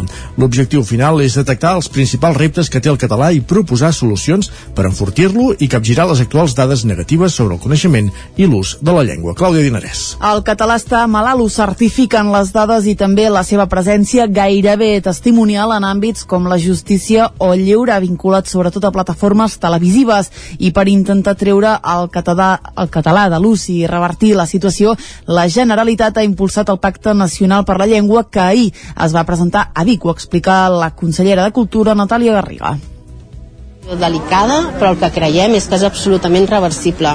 I el que estem fent des del govern és treballar amb tots els departaments, perquè tots els departaments tenen algun dels àmbits que els hi repercuteix la llengua catalana. Per tant, eh, som-hi tots. La presentació es va fer a l'espai ETC de Vic, una tria que no va ser fortuïta, Natàlia Garriga. És un equipament diferent, segurament no és el gran equipament de Vic, que és l'Atlàntida, i també és una manera de visualitzar que volem arribar a tothom i a tots els barris i a totes les ciutats, a tots els pobles grans i petits i ciutats grans i petites de tota Catalunya.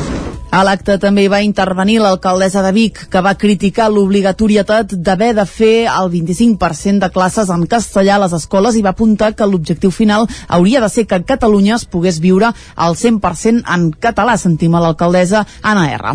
tots sabem que un català no parlant moltes vegades eh, no, pots, no et trobes en tots els àmbits de la vida la possibilitat de poder fer-ho um, 100% en català. I aquesta doncs, potser és la lluita que hem d'aconseguir que un català no parlant pugui en el seu país doncs, trobar en tots els seus àmbits el que és eh, poder-se expressar amb la seva llengua La voluntat de la presentació que es va fer a Vic és animar la població i a les entitats que hi ha al territori a fer propostes de millora per incorporar el pacte. A la tardor acabaria la recollida d'aquestes propostes i la intenció de la Generalitat seria que al mes de desembre s'assignés un acord que serveixi de base per un futur pla de política lingüística que hauria de garantir l'enfortiment del català.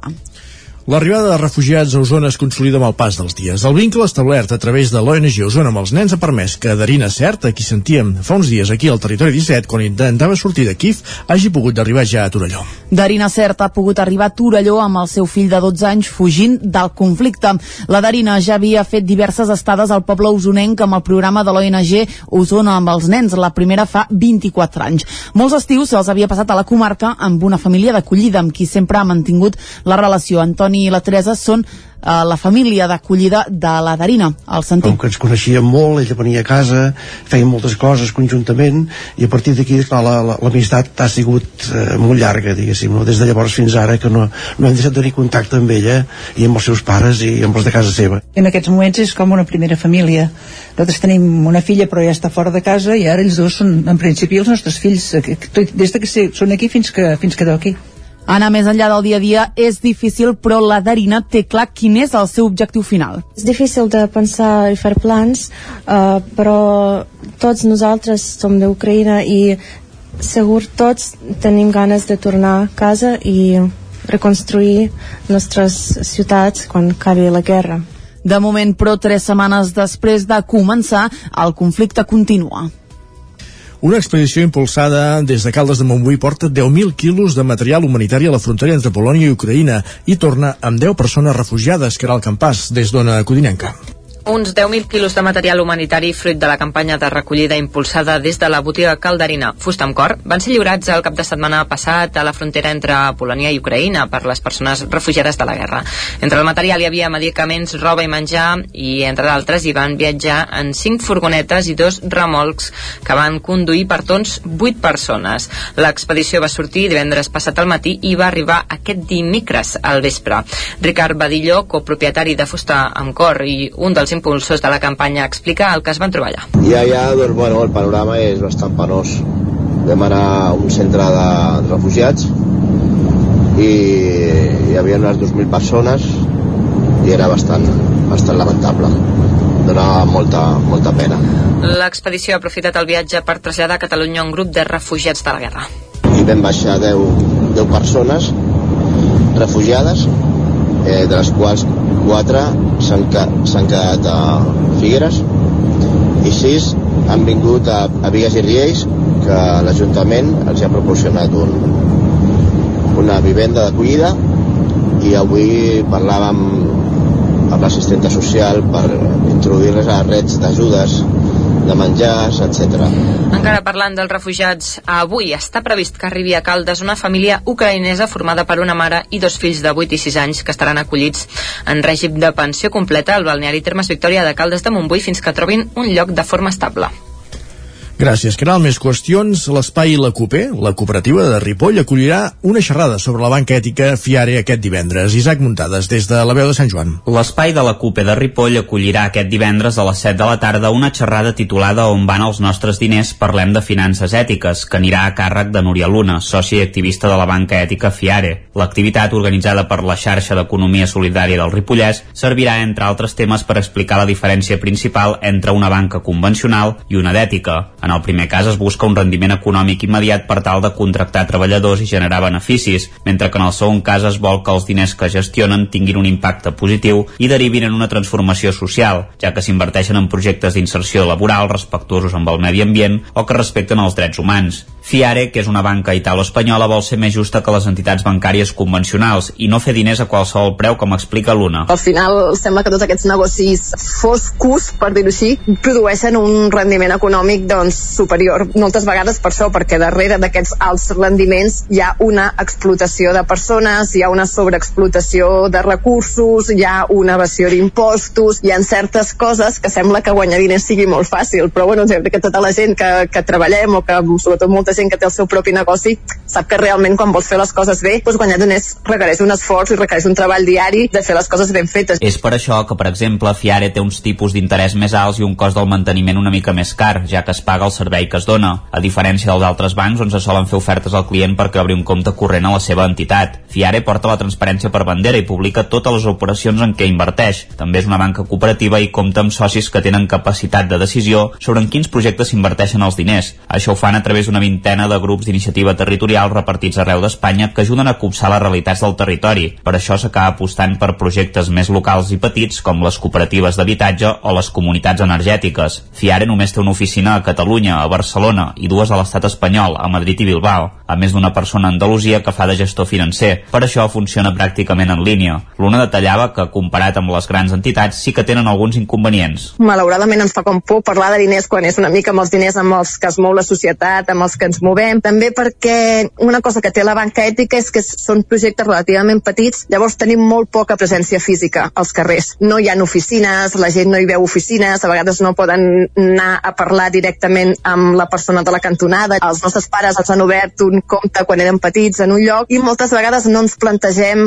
ja canviar-ho, moure-ho perquè ja sempre ha sigut així. Bueno, ens suposa potser un més esforç que no canviar de supermercat. A banda que tampoc hi ha massa caixers per treure diners o s'han de pagar comissions si es retiren d'altres bancs, tot i que ara la societat ja s'està acostumant a pagar amb targeta. Segurament la gent gran i les persones amb risc d'exclusió social són els sectors que més els hi costa i Fiare sí que vol acompanyar-los d'alguna manera. 9 minuts que passen de les 10, gràcies Isaac. Una escultura homenatge a les dones treballadores del tèxtil a Folgueroles.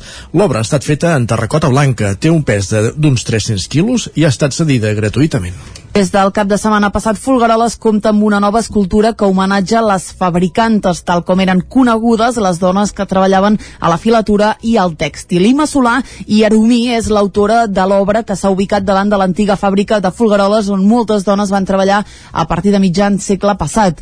Durant la inauguració, l'autora va explicar que s'havia inspirat recordant les tardes que passava cosint amb la seva mare i les seves germanes. Per això a l'obra hi ha representada una dona que ha teixit la seva vida però encara pot triar el seu futur.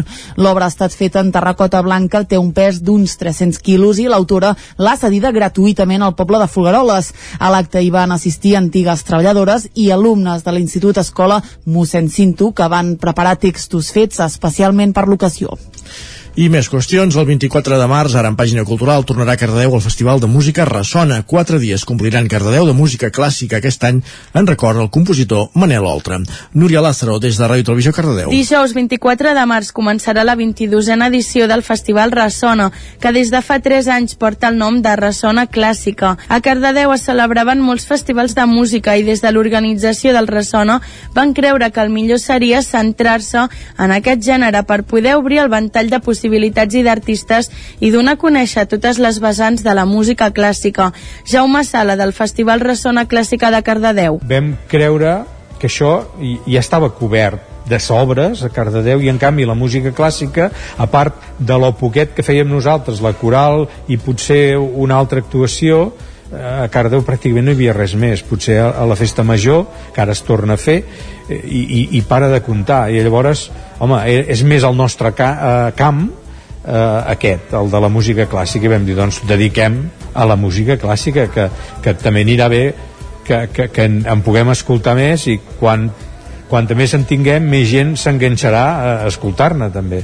I per tant va ser aquest el motiu de, de dir doncs fem el canvi de xip i només música clàssica amb tots els seus eh, camps, vull dir que música clàssica quan dius música clàssica és molt ampli. L'any passat vam tenir el Chicuelo amb, amb el Marco Mezquida i nosaltres enteníem que allò era música clàssica. Aquesta 22a edició girarà al voltant del compositor Manel Oltra Creu de Sant Jordi el 2010 que es va especialitzar en la música coral i la copla. Dijous s'inaugurarà una exposició sobre el mestre al vestíbul del Teatre Auditori de Cardedeu i el Ressona començarà amb una taula rodona per parlar d'ell amb el compositor Josep Maria Serracant, Jordi León i Joan Vives. En aquesta edició es gaudirà també de Víctor Braojos, el cardedauenc presentarà Shreds of Light, el seu últim projecte discogràfic, divendres 25 a dos quarts de 10 del vespre. Durant el cap de setmana es podrà gaudir de la coral polifònica de Puigreig, del jove projecte orquestral de Catalunya i del matinal de clàssica amb House Music. Podeu consultar el programa complet a agcc.cat barra festival guió ressona.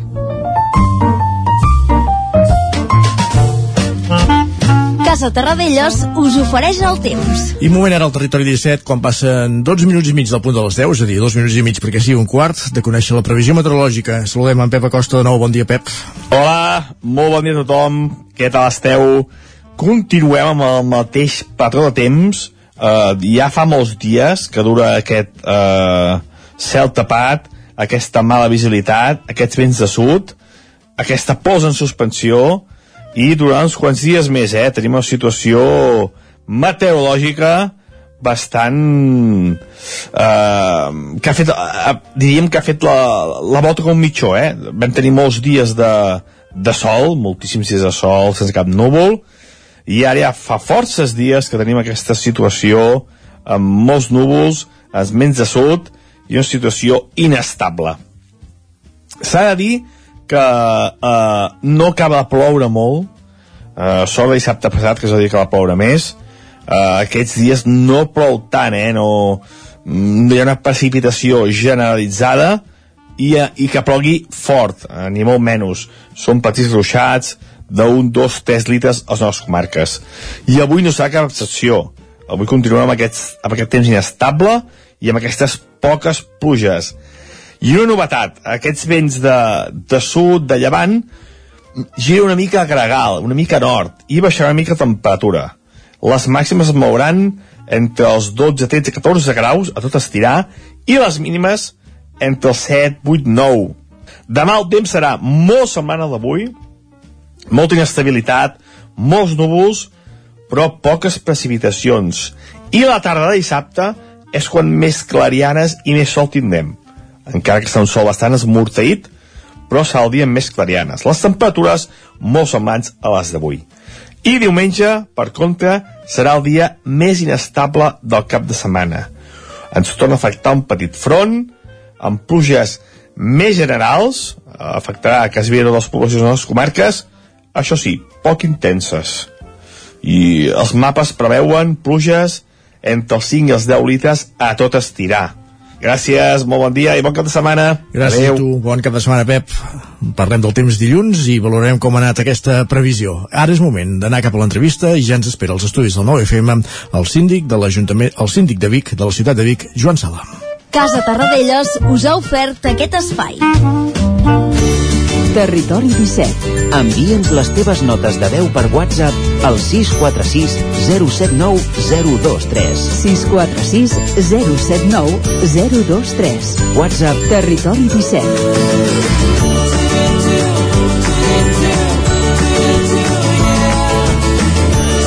Territori 17. Som a Facebook, Twitter i Instagram amb l'usuari Territori 17.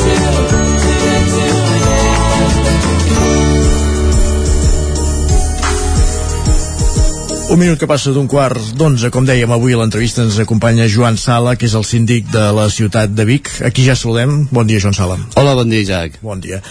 Uh, avui, el motiu d'aquesta entrevista és perquè la setmana passada, coincidint amb el ple de l'Ajuntament de Vic, vostè hi presentava la memòria del 2021 dels casos atesos a, a la ciutat de Vic, des de la seva oficina, des de l'oficina de, del síndic. Després entrarem al detall de, de les dades o dels casos o de, o de la tipologia de casos que més atén, però sí que una de les coses que deia és que cap queixa és insignificant, no? que de la, de, gairebé el centenar de, de, de tensions que va fer, dels 92 casos que va atendre, eh, vostè sempre intenta trobar una, una sortida, diguéssim, o donar una resposta no, a aquesta persona perquè si es queixés per alguna cosa. Sí, efectivament. Eh, jo ja, de quan vaig agafar aquest càrrec, fa una mica més de 4 anys, per tant aquest és l'últim ja de, si no hi ha renovació, i sempre havia proposat el següent quan una persona ve a queixar-se a l'oficina, eh, sempre procuro, sempre, sempre, sempre, que surti una mica millor del que ha entrat.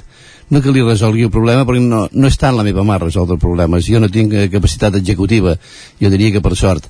Eh, però vull dir que, esclar, sí que escolto les persones, mm, veig com venen, eh, hi ha gent que ve molt preocupada, hi ha gent que ve molt indignada, hi ha gent que ve super indignada, llavors doncs cadascú miro de tractar-lo de la manera més adequada perquè es trobi més còmode, pugui dir tot el que pensa i tot el que sent. Mm, jo per això sempre dono eh, entrevistes d'una hora, eh, no hi ha cap obligació d'arribar al final però vull dir que com a mínim que, que, que hi hagi temps que es puguin explicar, no dic, oi, en 10 minuts m'ho ha d'explicar tot perquè llavors en 10 minuts es posen nerviosos i ja no diuen res. I d'aquesta manera eh, comencen molt tensos normalment o amb molts dubtes i a mesura que ja hi ha una confiança amb el xerrar i de més doncs van expressant eh, els seus motius. Mm, evidentment hi ha, hi ha queixes que objectivament poden ser més, més impactants que altres però eh, el que ve a queixar-se mm, aquesta cosa que per eh, objectivament pot semblar poc important per ell és important i és tan important que llavors ha de recórrer a una institució com el síndic de Greuges per explicar-ho. Uh -huh. Vol dir que mm, fa dies que, que li dona voltes i que ho faig, que no ho faig, m'atreveixo, no m'atreveixo i al final venen i jo el que procuro doncs és atendre'ls eh, no donar-los gaires expectatives, aquesta és la veritat. Sí, perquè les coses no depenen de mi, llavors eh, depèn del que em demanin, jo haig de negociar amb tècnics i, eh, i més endavant si convé amb regidors o regidores. I jo ja us dic, de, jo no vull quedar bé, vull dir, hi ha poques possibilitats i eh, quasi bé exagero per la baixa, no? vull dir, encara que jo vegi més possibilitats, vull dir que n'hi ha menys per què? Perquè llavors, si hi ha la patacada final, que no ho diguin, eh, oh, és que vostè ens va dir, és que vostè ens va... Sí, sí. Eh, en canvi, si, si d'això, si va malament, i com que ja ho havies dit, doncs, bueno, és, això es confirma el que es havia dit, no? Ara vostè donava aquesta dada que fa 4 anys, farà ja 4 anys que, que està al capdavant de la sindicatura, una sindicatura nova a la ciutat de Vic, que vostè la va estrenar. Eh, en el balanç d'aquest any, per exemple, eh, explicava que l'any passat no va haver-hi casos de, de, de queixes pel tema de l'empadronament de nouvinguts, que va ser un, una, una de les queixes més recurrents o que va generar més polèmica a l'any anterior, diguéssim. Mm. S'ha resolt la situació?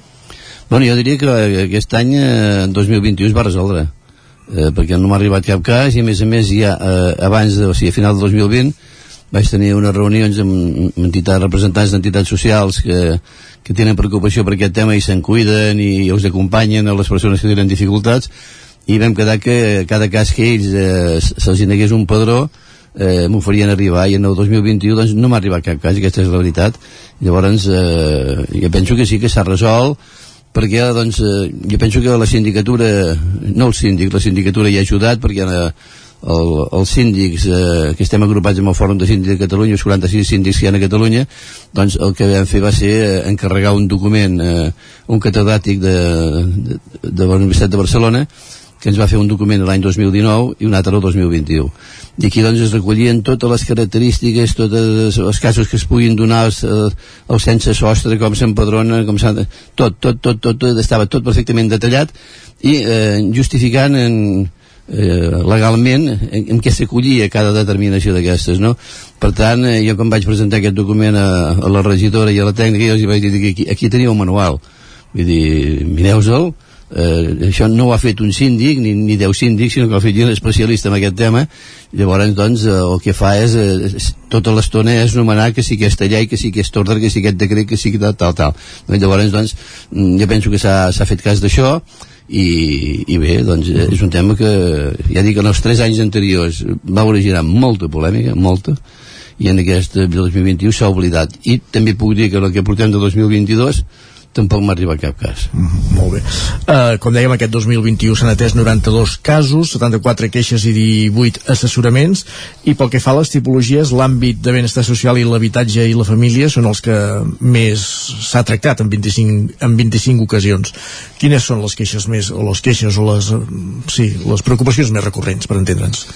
Uh, bueno, hi ha de tot tipus, eh? Vull dir, hi ha des de persones que tenen eh, que aquestes algunes no les pot acceptar i altres les derivo, que són molestes amb els veïns, eh, veïns doncs, que organitzen festes eh, o que fan freses eh, fora d'hora i tot això, que llavors això a mi no em correspon eh, atendre-ho perquè eh, llavors depèn de com veig, faig una exploració i depèn de com veig el cas, eh, si veig que el cas eh, està ja molt molt enrabiat perquè doncs ja hi ha un, un pique molt important amb les persones llavors eh, eh, és complicat és complicat i llavors jo els dic que viseu l'urbana i que l'urbana doncs eh, faci les, els mesuraments i sancioni que hagi de sancionar i ja està.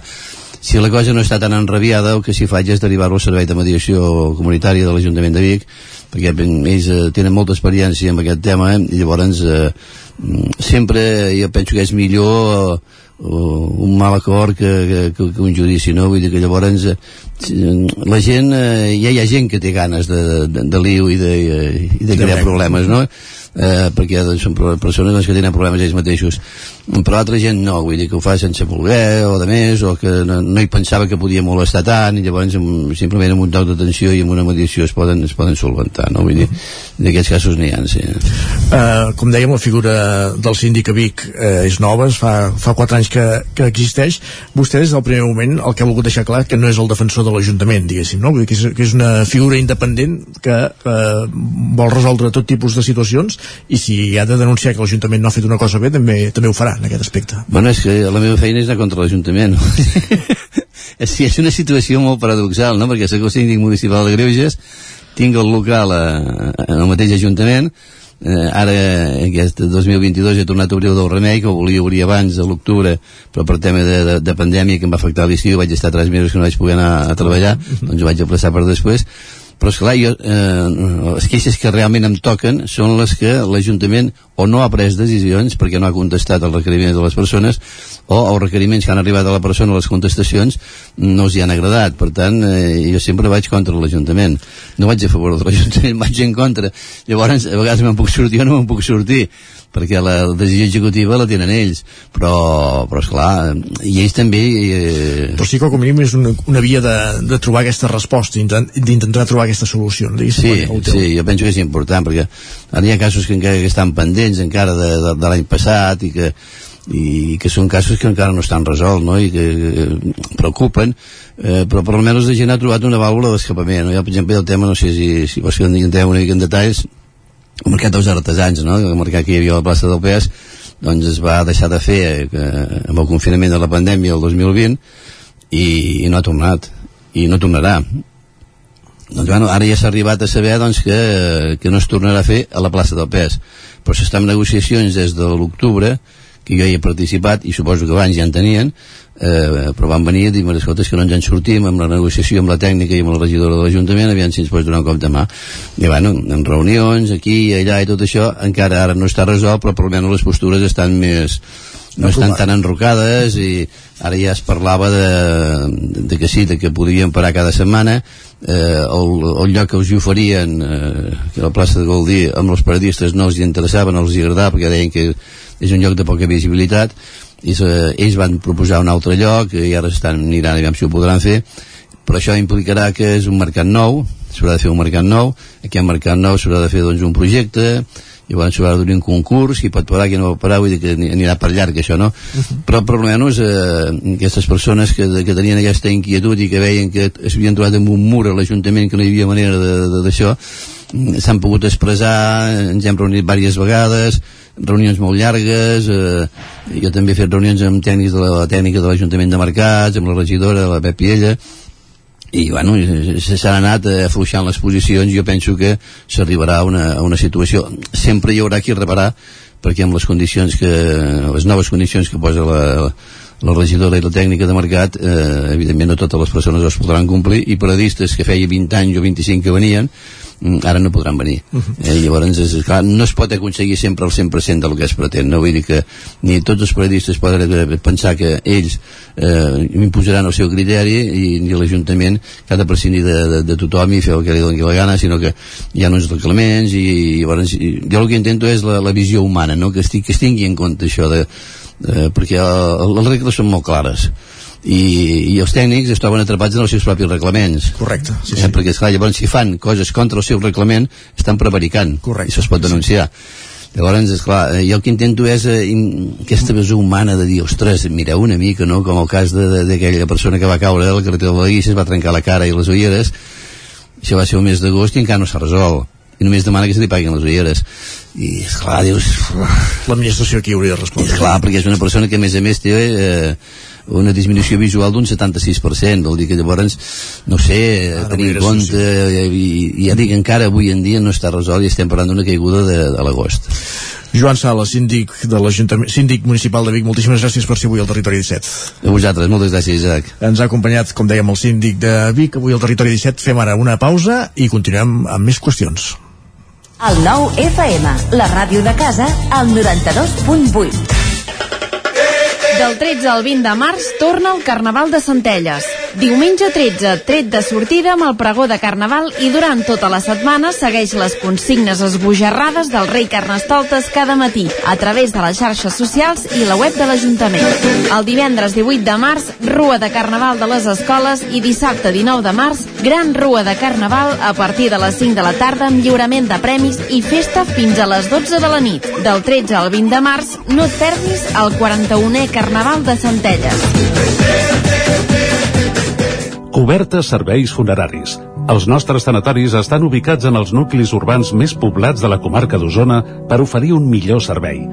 Tanatori de Vic, Tanatori de Manlleu, Tanatori de Centelles i Tanatori de Roda de Ter. Sabem que són moments difícils i per això el nostre compromís és atendre-us en tot moment amb un tracte humà, sensible i respectuós. Cobertes serveis funeraris. Telèfon 24 hores 93 883 23 46. A la rostisseria El Plat ens agrada la cuina de sempre, la de les àvies i de les mares. La cuina feta amb paciència com s'ha fet tota la vida.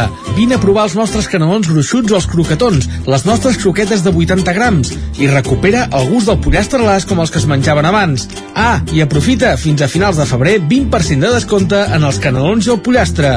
Rostisseria El Plat, encàrrecs fins a les 12 del migdia i servei a domicili. Ens trobaràs de dijous a diumenge al carrer Església número 6 de Taradell o al 93 135 58 85. Ja tens la teva disfressa? Carnestoltes a Manli. Vine i demana'ns la disfressa que vulguis. Trobaràs un món de fantasia en disfresses i complements per al Carnestoltes. Hi ha uns preus especials. Som al carrer Ramon Soler, número de Vic, i també ens trobareu a manli.cat. Fem de la festa una bogeria. Una bogeria. Anuncia't al 9FM. La màquina de casa. 9 3 8 8 9 4 9 4 9 Publicitat arroba al 9FM.cat. Anuncia't al 9FM. La publicitat més eficaç. Cocodril Club. Si t'agrada la bona música dels anys 60, 70 i 80, escolta el 9 FM als matins de dissabtes i diumenges d'11 a 1. És el temps del Cocodril Club, tot un clàssic de la ràdio, amb les bases del pop-rock, les llegendes, les cançons que s'han convertit en autèntics himnes. Recorda, dissabtes i diumenges al matí, d'11 a 1, al 9 FM 92.8. Cocodril Club, el programa revival de l'Albert Malla. Hasta luego, cocodrilo. El 9 FM, el 9 FM, el 9 FM, el 9 FM. Clavats, dos quarts d'onze, al territori 17.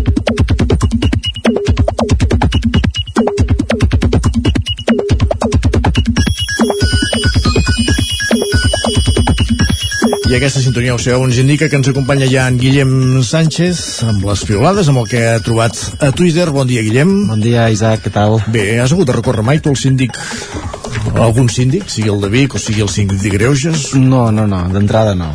De fet, millor, doncs, eh? És una bona notícia, doncs. Exacte. Però, sempre, però són figures importants i com ens destacava en Joan Sala en aquesta entrevista, està clar. Per a moltes persones, doncs, pot ser una, una sortida amb un atzucac. Què diu Twitter? Doncs va, parla molt de, de, de futbol, eh, aquest Twitter de- Home, és d'avui. que el Barça va guanyar, eh? Uh, el vas veure en directe? El vas veure... No el vaig veure, de cap no? manera. Mare de Déu, Isaac. Vaig veure el gol de Pedri a, a, a altíssimes hores de nit. Ai, perdó. I no és que sortís de gresca, ja t'ho. No, jo vaig fer allò tan, no sé si dir català del Barça, que és gairebé saber el resultat, però mirar-te el partit repetit amb els de casa que no l'havien vist. Molt bé. I allò que elles... Però el resultat el sabies, eh? No vas... Al mig sabia, i quan ja arriba, va arribar un moment que ja no el sabia, vaig intentar saber-lo, per tant, per estar una mica més tranquil.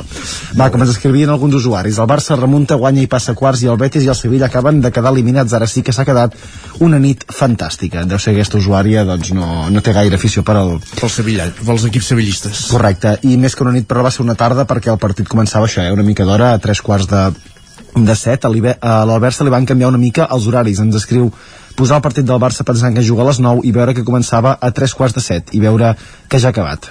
De fet, mira que ho devien estar anunciant eh, durant molta estona i durant sí, que... dies, dies abans ja se sabia, eh? per Aquests tant... horaris de, de l'Europa enllà. Eh? són una mica curiosos.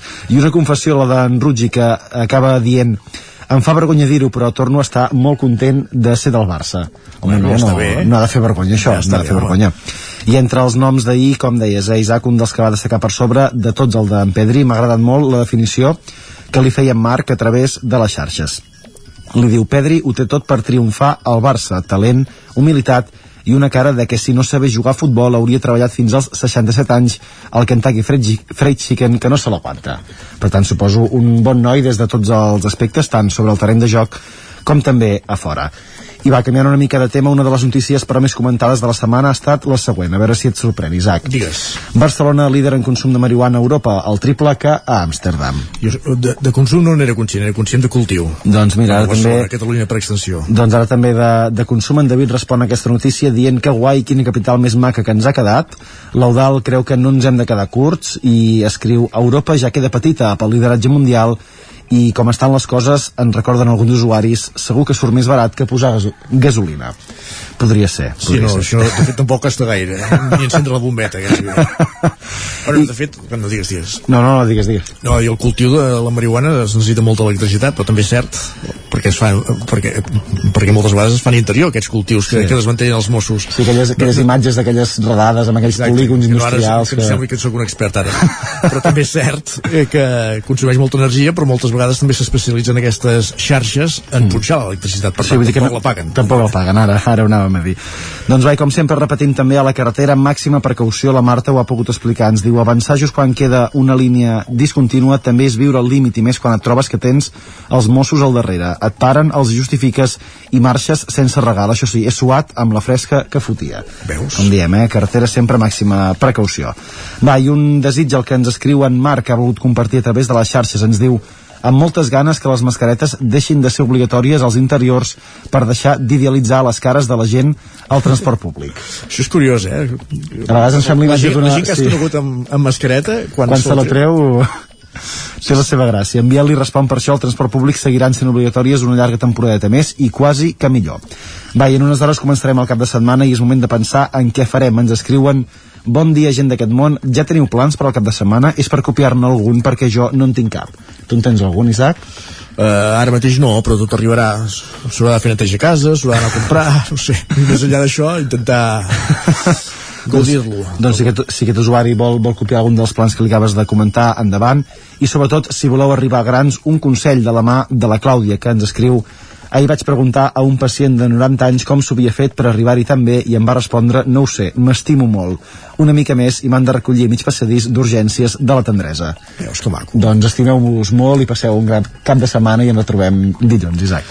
Molt bé, gràcies uh, Guillem Que vagi molt bé. un dia més per ser en aquesta secció de les pilades que sempre com cada dia rematem repassant en aquests moments les portades del 99.cat de les portades digitals a Osona i el Ripollès, l'augment del preu de l'energia posa en alerta les empreses, el mateix titular que llegíem a la portada en paper.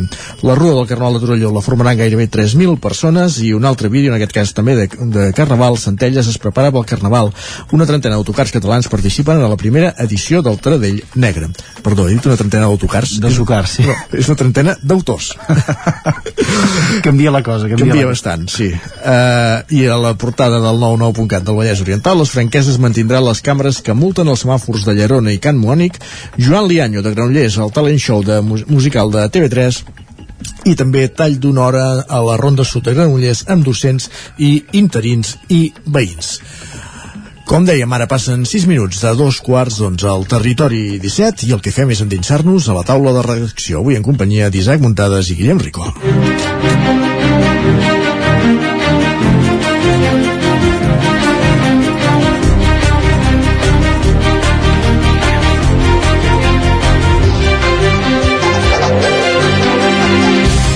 La taula de redacció amb Isaac Muntades per parlar de l'escorxador comarcal de, del Ripollès. Ho explicàvem a les notícies de les 9. Isaac, bon dia. Bon dia.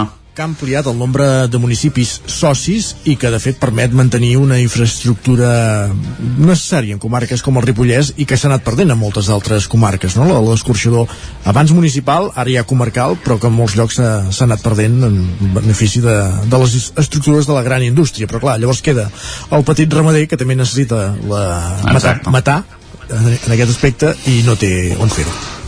Exacte, i és un escorxador de baixa, de baixa capacitat, recordem-ho, que ja, ja té 20...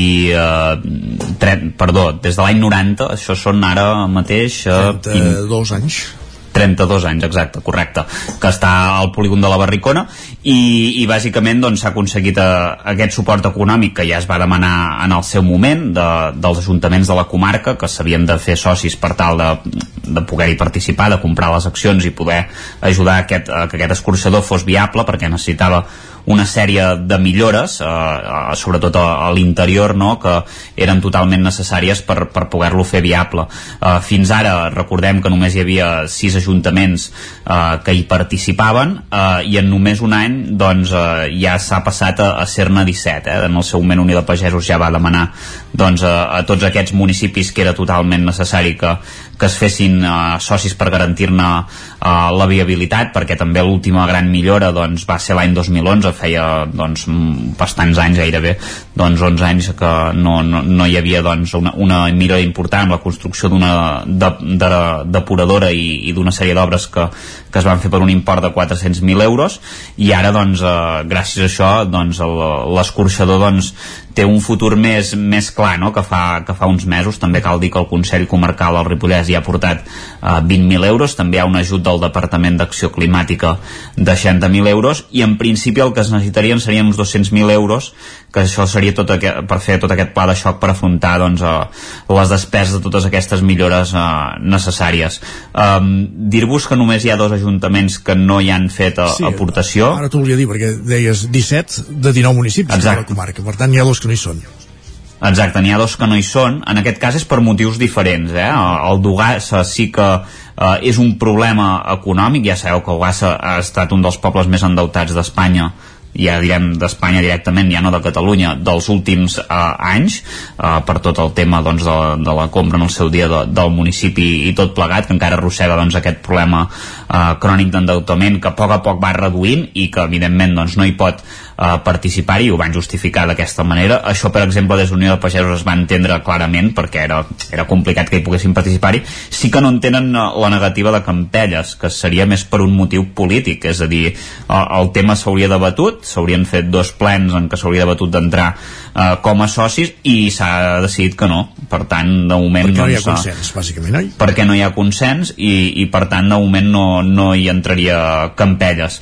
Um, Recordar-vos eh, això que us deia, eh, l'escorxador del Ripollès uh, és de baixa capacitat. Uh, L'any 2020, que és l'últim que se'n tenen dates, dades, uh, s'hi van gairebé fer doncs, 10.600 sacrificis, uh, que és un 11% menys que, que el 2019, però que és un escorxador molt important perquè tots els ramaders de la zona que no tenen grans explotacions doncs hi puguin anar, anar a matar i que segurament no els hi surt eh, en els corxadors més grans per fer una matança de pocs caps de bestiar doncs no els hi suposaria compte. En canvi cada escorxador sí que ho permet. Uh, aquesta és una de les avantatges que s'ha explicat a, eh, en el seu dia. De fet és una problemàtica que per exemple ha generat altres infraestructures com per exemple una que es presentava setmanes enrere al Moianès eh, d'un escorxador mòbil diguéssim per, en aquest cas era exclusivament pels ramaders d'Ubic a Brum no? diguéssim que, que és això han perdut, han perdut l'escorxador de referència a prop de casa i ara amb aquesta solució eh, doncs quan es necessita arribarà, arriba l'escorxador mòbil amb rodes a, a l'explotació i d'entrada estava pensat per una dotzena d'explotacions de diferents comarques, eh? Moianès, Ripollès,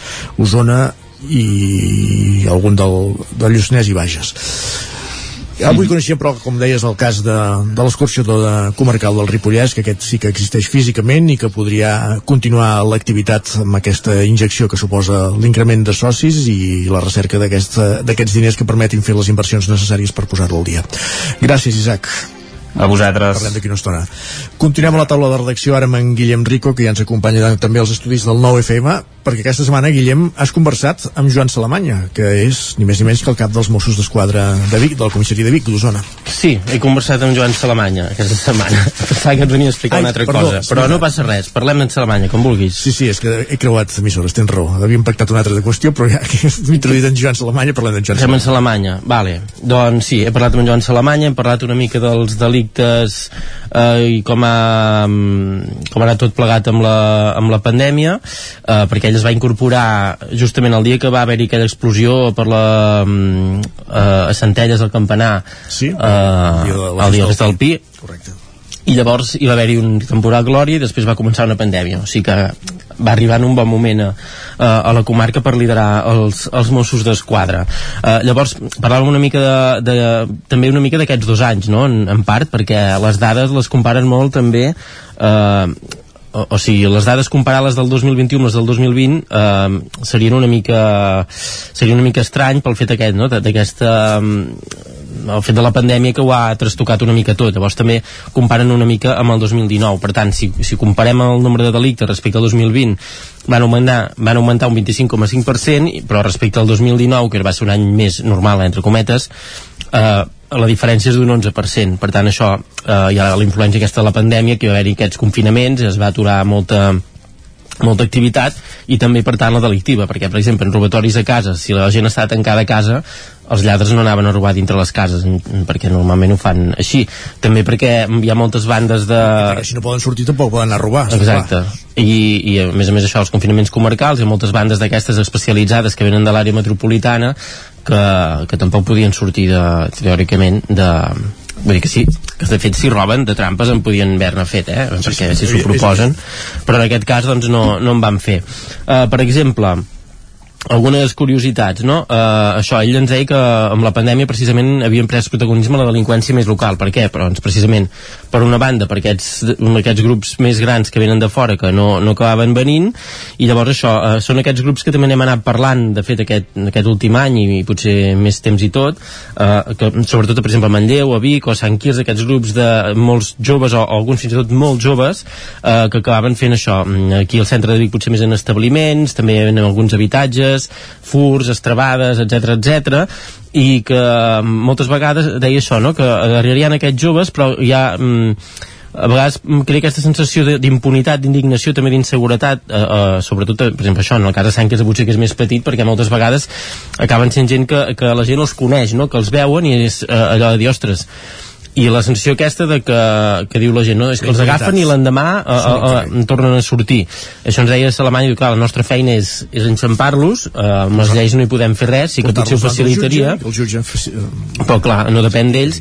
Però sí que deia potser eh, s'ha d'anar més enllà perquè amb tancar-los sí que pares el cop però potser s'ha de fer un treball més eh, més transversal per reinserir aquests joves de- d'alguna manera per evitar que, que, que facin això. També vam parlar de, de la comissaria, eh, recordeu que ara fa un any, poc més d'un any, hi va haver-hi aquell, aquell atac a la comissaria de Vic amb una de les manifestacions eh, de, per donar suport a Pablo Hasél. Uh -huh. eh, ell ens deia això, ara que ja, ara ja tenen aquests dispositius eh, de seguretat que no tenien, hi ha hagut una formació i que ara s'hagués pogut eh, afrontar d'una manera diferent. També posava en valor el fet de dir Uh, també es van atrevir uh, els atacants, diguem, a atacar-la uh, perquè també sabien probablement amb contra quin cos s'estaven enfrontant i com podia reaccionar.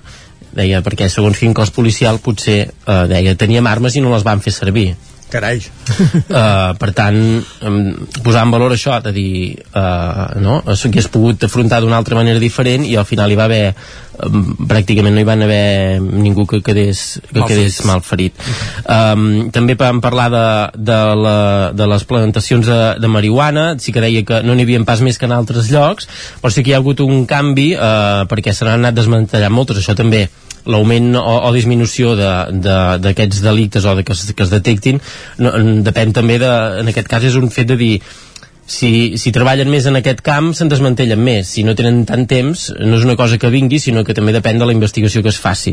I llavors en aquest cas doncs, ens parlava de, sobretot d'aquesta zona de, de, de, Vila, de, de Vilanova de Sau, de Sant Sadurní, Rupit, Tabertel, Esquirol, fins i tot Viladrau eh, on hi havia hagut unes plantacions exteriors que primer diguem que els, els traficants eh, que aquí acaben tenint jardiners que deia ell eh, es treballaven més amb els camps més preparats i amb les instal·lacions una mica més ben preparades com que veuen que els enganxen i els hi desmantellen doncs què fan? Eh, per tenir menys feina les acaben fent en llocs que més mal fetes, diguem, que queden més amagades i que a ells també els hi costa més de cultivar i això també fa que amb, amb els investigadors els hi costi més de, de trobar-les. En aquest cas parlen de, de bandes de fora, que ja organitzades i que aquí per tant no hi tenen els caps d'això, i, i en canvi sí que potser eh, hi ha un tipus de delinqüent en aquest aspecte de delicte contra la salut més local que potser serien en aquestes naus industrials eh, a petita escala, tot i que donen més negoci perquè es poden fer més d'una recollida l'any, a les d'exterior només és una som uns experts, eh? ho estem demostrant. Tu ara i jo abans amb les pilades sobre el cultiu de marihuana doncs, sembla que ens hi dediquem, eh? deu ser que en parlem molt, eh, potser. Més aviat, més però aviat esperem, que, suposem que és això. Uh, en fi um, uh, fins que no es demostri el contrari Isaac, uh, pensaré que és així. Uh, llavors la, la, això les naus aquestes, hi ha, sí que hi ha, per exemple, algun gas a Centelles, que sí que al darrere hi havia una banda d'aquestes més grans, però mm, en algunes ocasions potser sí que és un delinqüent més, més, més local. I també una curiositat, amb aquesta situació de crisi, d'augment de preus, del, del carburant, eh, la pandèmia, eh, també la guerra, doncs deia això, que era més crispació. Llavors sí que han notat un, un augment de, de delictes de o sigui, de, de, de coacció i d'amenaces, no? La gent està més crispada, hi ha com més baralles i, i això. I també una curiositat que això també ha augmentat... Ho, ho estàs enllaçant tot, això també ens ho deia el síndic abans. Que també ha augmentat... Ah, doncs mira, sembla, sembla que us escolti tot. Uh, I després també uh, ens comentava um, que també hi ha hagut un petit augment de, de robatoris uh, d'aliments um, d'aquest el furt famèlic que diuen que no està tan penat perquè si es demostra que és perquè no tens per menjar doncs, doncs no està tan, tan penat um, i sí que deia que s'hi havien trobat un punt més uh, del que s'hi trobava normalment i llavors també parlàvem de si calia o no aquesta comissaria de Manlleu sí. uh, o, o aquella oficina de Prats deia que no, no, es, no es farà per una necessitat puntual sinó com un representament de com un segon com una segona mm, fase de, mm, fase de, de desplegament o perquè el model de Mossos es creu així, deia, no sabem si és més convenient a Manlleu que hi hagi més presència al carrer o que hi hagi una comissaria on, amb uns agents a dintre que no els veurà ningú. Correcte. llavors s'ha de, de valorar quin tipus d'això es fa. I per exemple a Prats es plantejava una oficina també perquè la gent els hi queda més lluny venir a Vic a, a posar les denúncies i això també es planteja fins i tot en altres punts de, de la comarca que també podrien quedar més allunyats i que no tenen policies locals. Però en Molt tot cas en aquest, tant una cosa com l'altra encara està en fase de... Una extensa entrevista, com dèiem, amb Joan Salamanya, que es pot llegir avui a l'edició d'avui del 9-9 d'Osona i el Ripollès. Gràcies, Guillem. De res, adéu, bon dia.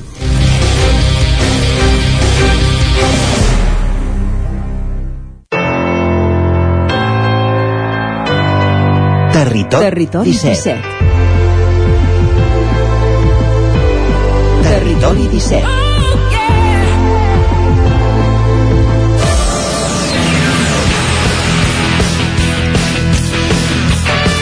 I en la situació policial a la comarca d'Osona passem a la situació esportiva. I no només d'Osona, sinó de tot el territori 17. Ja ho sabeu, el, el darrer tram d'aquesta segona hora del territori 17 els divendres el dediquem a l'agenda esportiva a conèixer els compromisos dels equips i esportistes del territori 17 pel cap de setmana. Per tant, moment de connectar primer de tot amb la redacció de Ràdio Televisió Cardedeu. Allà hi tenim l'Òscar Muñoz per conèixer els compromisos dels equips de Cardedeu, Llinars, Granollers, tant de futbol com d'handbol. Òscar, bon dia. Doncs comencem el repàs esportiu amb el primer equip aquest cap de setmana jugant contra el GURB, a casa del GURB, a les 4 de la tarda. Actualment el Cardedeu va millor a la segona posició, però podria sorgir la sorpresa contra el GURB, que va sisè a la classificació. Ara la tercera catalana, el filial juga a la mateixa hora a les 4, però a casa contra Llerona, segons contra quarts. Aquí també hi haurà un partit força interessant és que tots els partits que comentarem avui seran més o menys així ajustats, o sigui, aquest cap de setmana tenim doncs, Sí, sí, bon sí, sí. nivell d'esport. De, uh -huh. Seguim amb la tercera catalana, eh, el Llinàs de la mateixa lliga s'enfrontarà als últims classificats al Lliçà de Vall. En aquest cas també serà un partit força interessant, però per la part baixa de la classificació. I acabem amb el futbol, amb l'Esport Club, que diumenge a les 12 s'enfronta a l'Olot al municipal de Granollers. Dels partits més complicats del cap de setmana, l'Olot porta molt bona temporada, eh, molt regular, i ara està situat a la primera posició. L'Esport Club eh, haurà de lluitar per no baixar de les tres últimes posicions a la Lliga i haurà de fer, doncs, com hem comentat, contra el primer classificat, o sigui, ho té, doncs, molt complicat. Del futbol anem a l'handbol, Demà el primer equip del sènior jugarà a casa del Molins. El Cardedeu, que ve de perdre aquests dos últims partits, necessita aquesta victòria per sortir de la mala dinàmica. I l'equip femení aquest cap de setmana descansa, ja que són imparells a la Lliga, són nou, així que hi ha un equip que descansa aquesta lliga. I acabem amb l'embol a Granollers.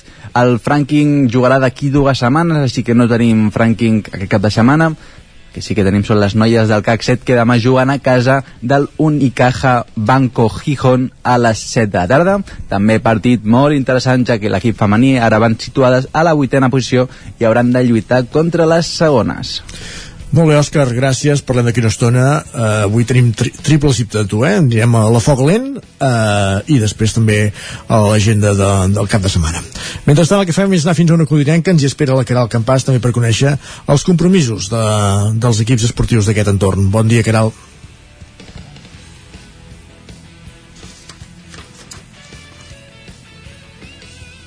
Vaja, sembla que no tenim a punt la Caral Campàs mirem de connectar de seguida també doncs, amb, amb l'Isaac Montades ara, des de la veu de Sant Joan. Isaac. Bon dia. Que, com tenim els equips del Ripollès aquest cap de setmana? Tenim poca activitat realment, pràcticament de fet només tenim uh, futbol. Uh, si us sembla comencem pel grup 19 de la tercera catalana perquè la Badesenc jugarà aquest dissabte a les 4 de la tarda a casa contra el Santa Pau. És un partit uh, força assequible pels Sant Joanins que són setens amb 31 punts i ara mateix doncs, uh, acumulen dues victòries consecutives. I a més a més recordem que tenen un partit pendent contra el Sant Privat d'en Bas. Per tant si guanyessin uh, aquests dos triomfs doncs els acostarien una mica més a la zona alta de la taula però encara lluny de, del liderat. Uh, per la seva banda el Santa Pau és 14 amb 16 punts i no travessa un moment de la temporada gaire bo perquè porta dues derrotes consecutives. Això sí, tot i ser un dels equips de la zona baixa doncs ha guanyat Uh, tres dels últims sis partits que ha disputat que tampoc són mals números però en principi la Badesenc doncs, uh, és favorit per emportar-se el partit uh, i el mateix grup, el Camp de Bànol visitarà el Font Coberta uh, també el dissabte a la mateixa hora, a les 4 de la tarda amb un partit que és molt important.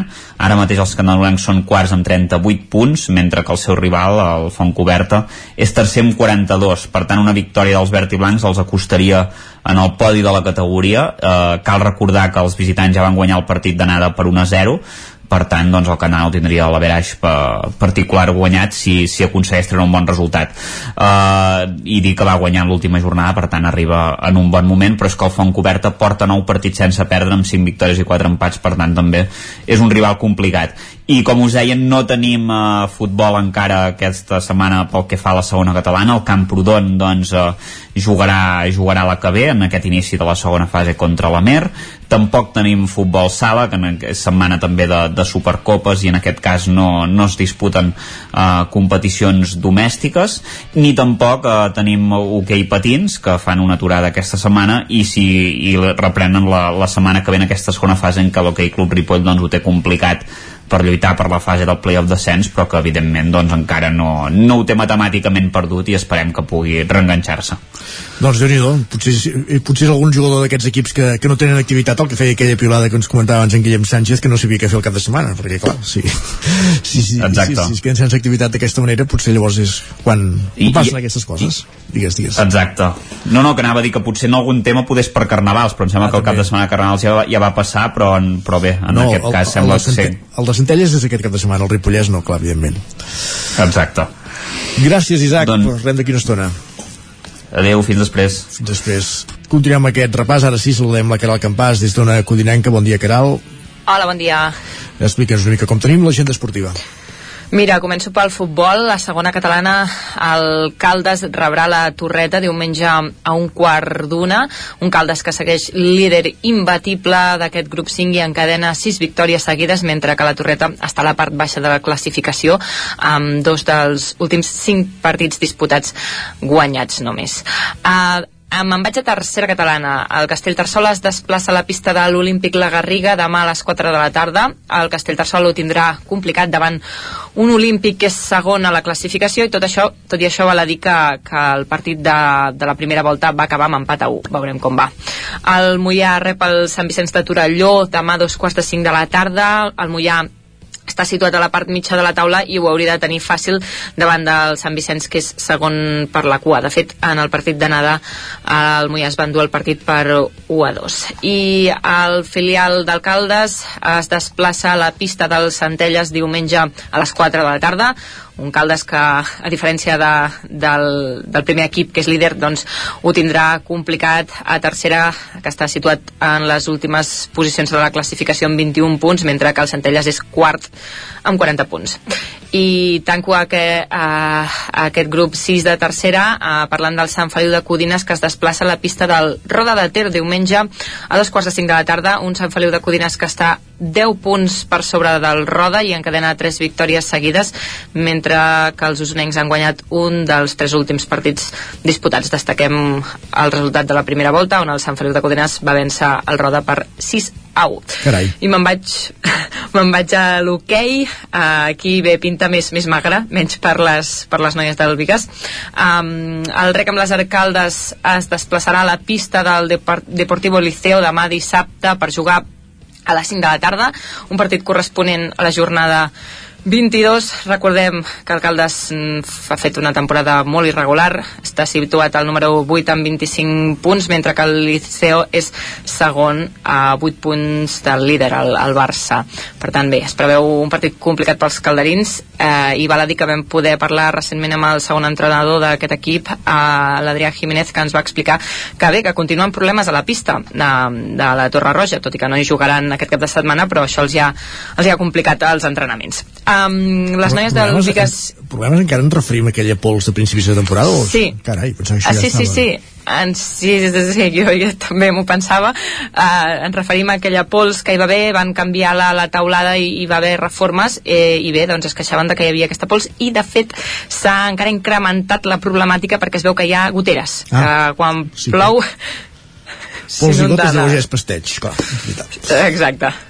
Bé, uh, esperem que, que ho puguin resoldre aviat. Uh, D'altra banda, les noies del Vigues i Riells rebran el Girona demà a les 9 en un partit corresponent a la jornada 18. Uh, bé, el Vigues i Riells ho hauria de tenir fàcil perquè mentre elles estan situades a la part mitja de la classificació, el Girona és últim amb un únic punt arran d'un empat contra les Rozas i, i la resta de partits els ha perdut amb diferències de fins a 10 i 11 gols. I acabo a, a segona divisió amb el Sant Feliu de Codines. Eh, d'hoquei que es desplaça a la pista de l'Arenys de Munt diumenge per disputar un quart d'una un partit matiner per ser d'hoquei. I bé, és un partit corresponent a la jornada 17 que es preveu complicat pels codinencs que s'enfrontaran al líder de l'hoquei Lliga Plata Nord. Perfecte, doncs gràcies, Caral.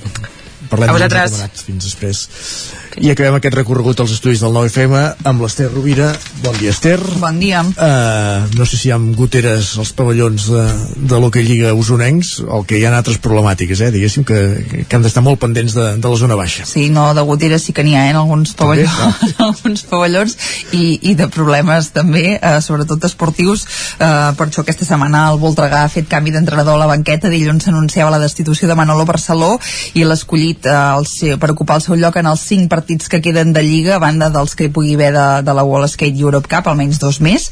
Eh, doncs és eh, un home de la casa com Tudi Noguer, que s'ha fet acompanyar per afrontar aquest repte de Lluís Teixidor, un altre home també de, de la casa, i junts doncs, ja han entrenat aquesta setmana per afrontar el primer escull de, per aconseguir aquesta, aquesta salvació a l'Hockey Lliga, eh, que serà el, el Girona, eh, el visitaran eh, demà dissabte a dos quarts de nou del, del vespre, partit importantíssim, com dèiem, d'aquests cinc, perquè l'objectiu és eh, evitar la zona de play-out on estan ara, ja no només eh, les, evidentment les places de descens directe, sinó també fins i tot haver de fer una promoció per la permanència, i això passa doncs, per, per sumar tots els punts possibles. Eh, recordem que, que això, que la dinàmica ha estat especialment dolenta aquest any, eh, i més enllà de, de la victòria en el, en el derbi, doncs eh, l'equip necessitava un revulsiu i això és el que ha fet la, la Junta aquesta setmana. El Manlleu, per la seva banda, que encara està fins i tot una mica pitjor després de, de perdre el, el derbi i que ja està en places de, de descens eh, directe, eh, rebrà eh, la visita del Reus Deportiu, que és el quart classificat diumenge a les 4 de la tarda, un partit que es podrà veure en directe per al nou TV, eh, complicadíssim, però és que en el cas del Manlleu tots els que li queden en aquest tram final són molt complicats perquè tots són equips de pràcticament tots de la part alta, per tant el repte és, és majúscul, però això és el que, el que intentaran. En el cas de l'hoquei Lliga Plata Sud, dir que els dos conjunts eh, usonencs juguen a domicili, el Taradell visita el Vilanova demà dissabte a dos quarts de nou del vespre i, i eh, el, en el cas del Pativic eh, s'enfrontaran al Sant Just també a domicili, en el seu cas diumenge a les 8 del vespre, un horari poc habitual i, i tard. Eh, però bé, i en el cas dels dos conjunts eh, usonencs amb competicions estatals eh, dir que el Martinelli a Manlleu té partit de la, de la Lliga Europea Femenina rep eh, dissabte a les 8 del vespre el Sant Joanense portuguès. Eh, les manlleuenques volen la segona victòria que les mantindrien la segona posició amb un partit eh, eh, menys que la resta de, dels seus rivals mentre que el Voltregà té jornada de Lliga i visita una pista gens fàcil com és la del, del Telecable Gijón demà dissabte a un quart de vuit de, del vespre que és el segon classificat. Eh, repte també majúscul perquè recordem que, que les voltreganeses ja venen de perdre el derbi amb el Manlleu la setmana passada però és que just abans també havien perdut amb el, amb el Telecable en partit de, de competició europea. Veurem com van les coses aquest cap de setmana. Eh, continuem amb, amb futbol on aquest cap de setmana també hi ha un dels plats forts no només de la jornada sinó potser fins i tot podríem dir de la temporada perquè s'enfronten el Manlleu i el, i el Tona diumenge a les 5 de la tarda al municipal de, de Manlleu. Eh, en un partit que serà clau per al, per al liderat d'aquest grup 2 de la, de la primera catalana. Eh, i segurament ja transcendent no? per, al, per aconseguir el títol de Lliga eh, pel Manlleu una victòria contra el Tona significaria, significaria reenganxar-se en la lluita per aquest primer lloc eh, que el tindria llavors ja només a 4 punts però una derrota en canvi significaria l'adeu a l'ascens directe a tercera i en canvi per al Tona doncs, tot de cara per aconseguir un títol de Lliga que fa anys que intenten aconseguir i que la temporada es va escapar per molt poc en aquest play-off eh, pel títol eh, a final de, de temporada. Correcte. El Vic Riu primer també juga a casa eh, demà dissabte a dos quarts de cinc de la tarda eh, eh, rebent el Sant Feliuenc.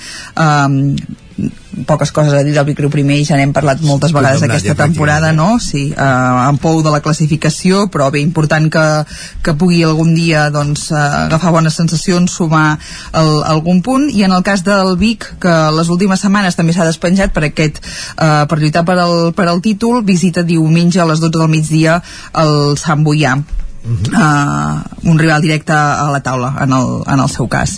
Dir també que aquest cap de setmana hi ha la Copa Catalunya de Futbol Sala a Centelles sí. uh, en partits de, de quarts de final de, de la categoria masculina. Per tant punt d'interès també important en el cas del, del futbol sala.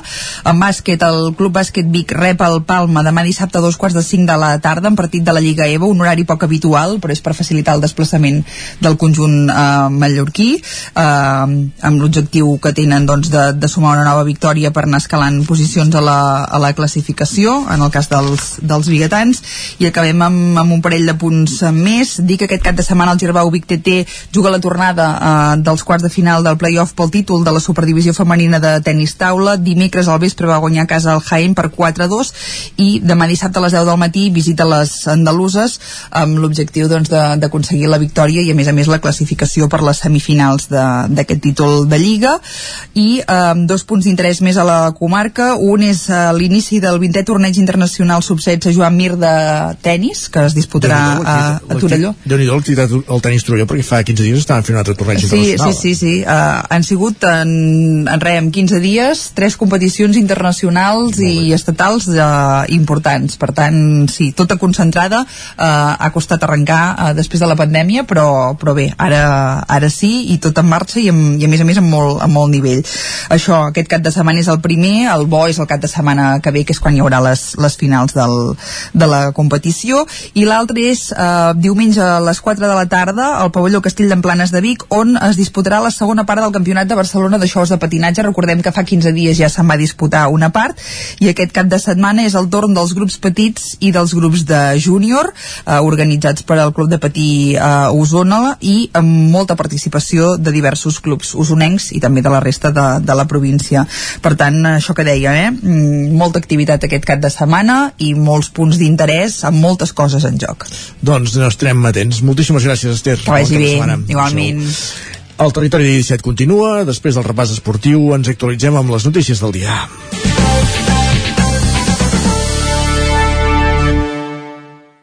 Territori 17, amb Isaac Moreno i Jordi Sunyer.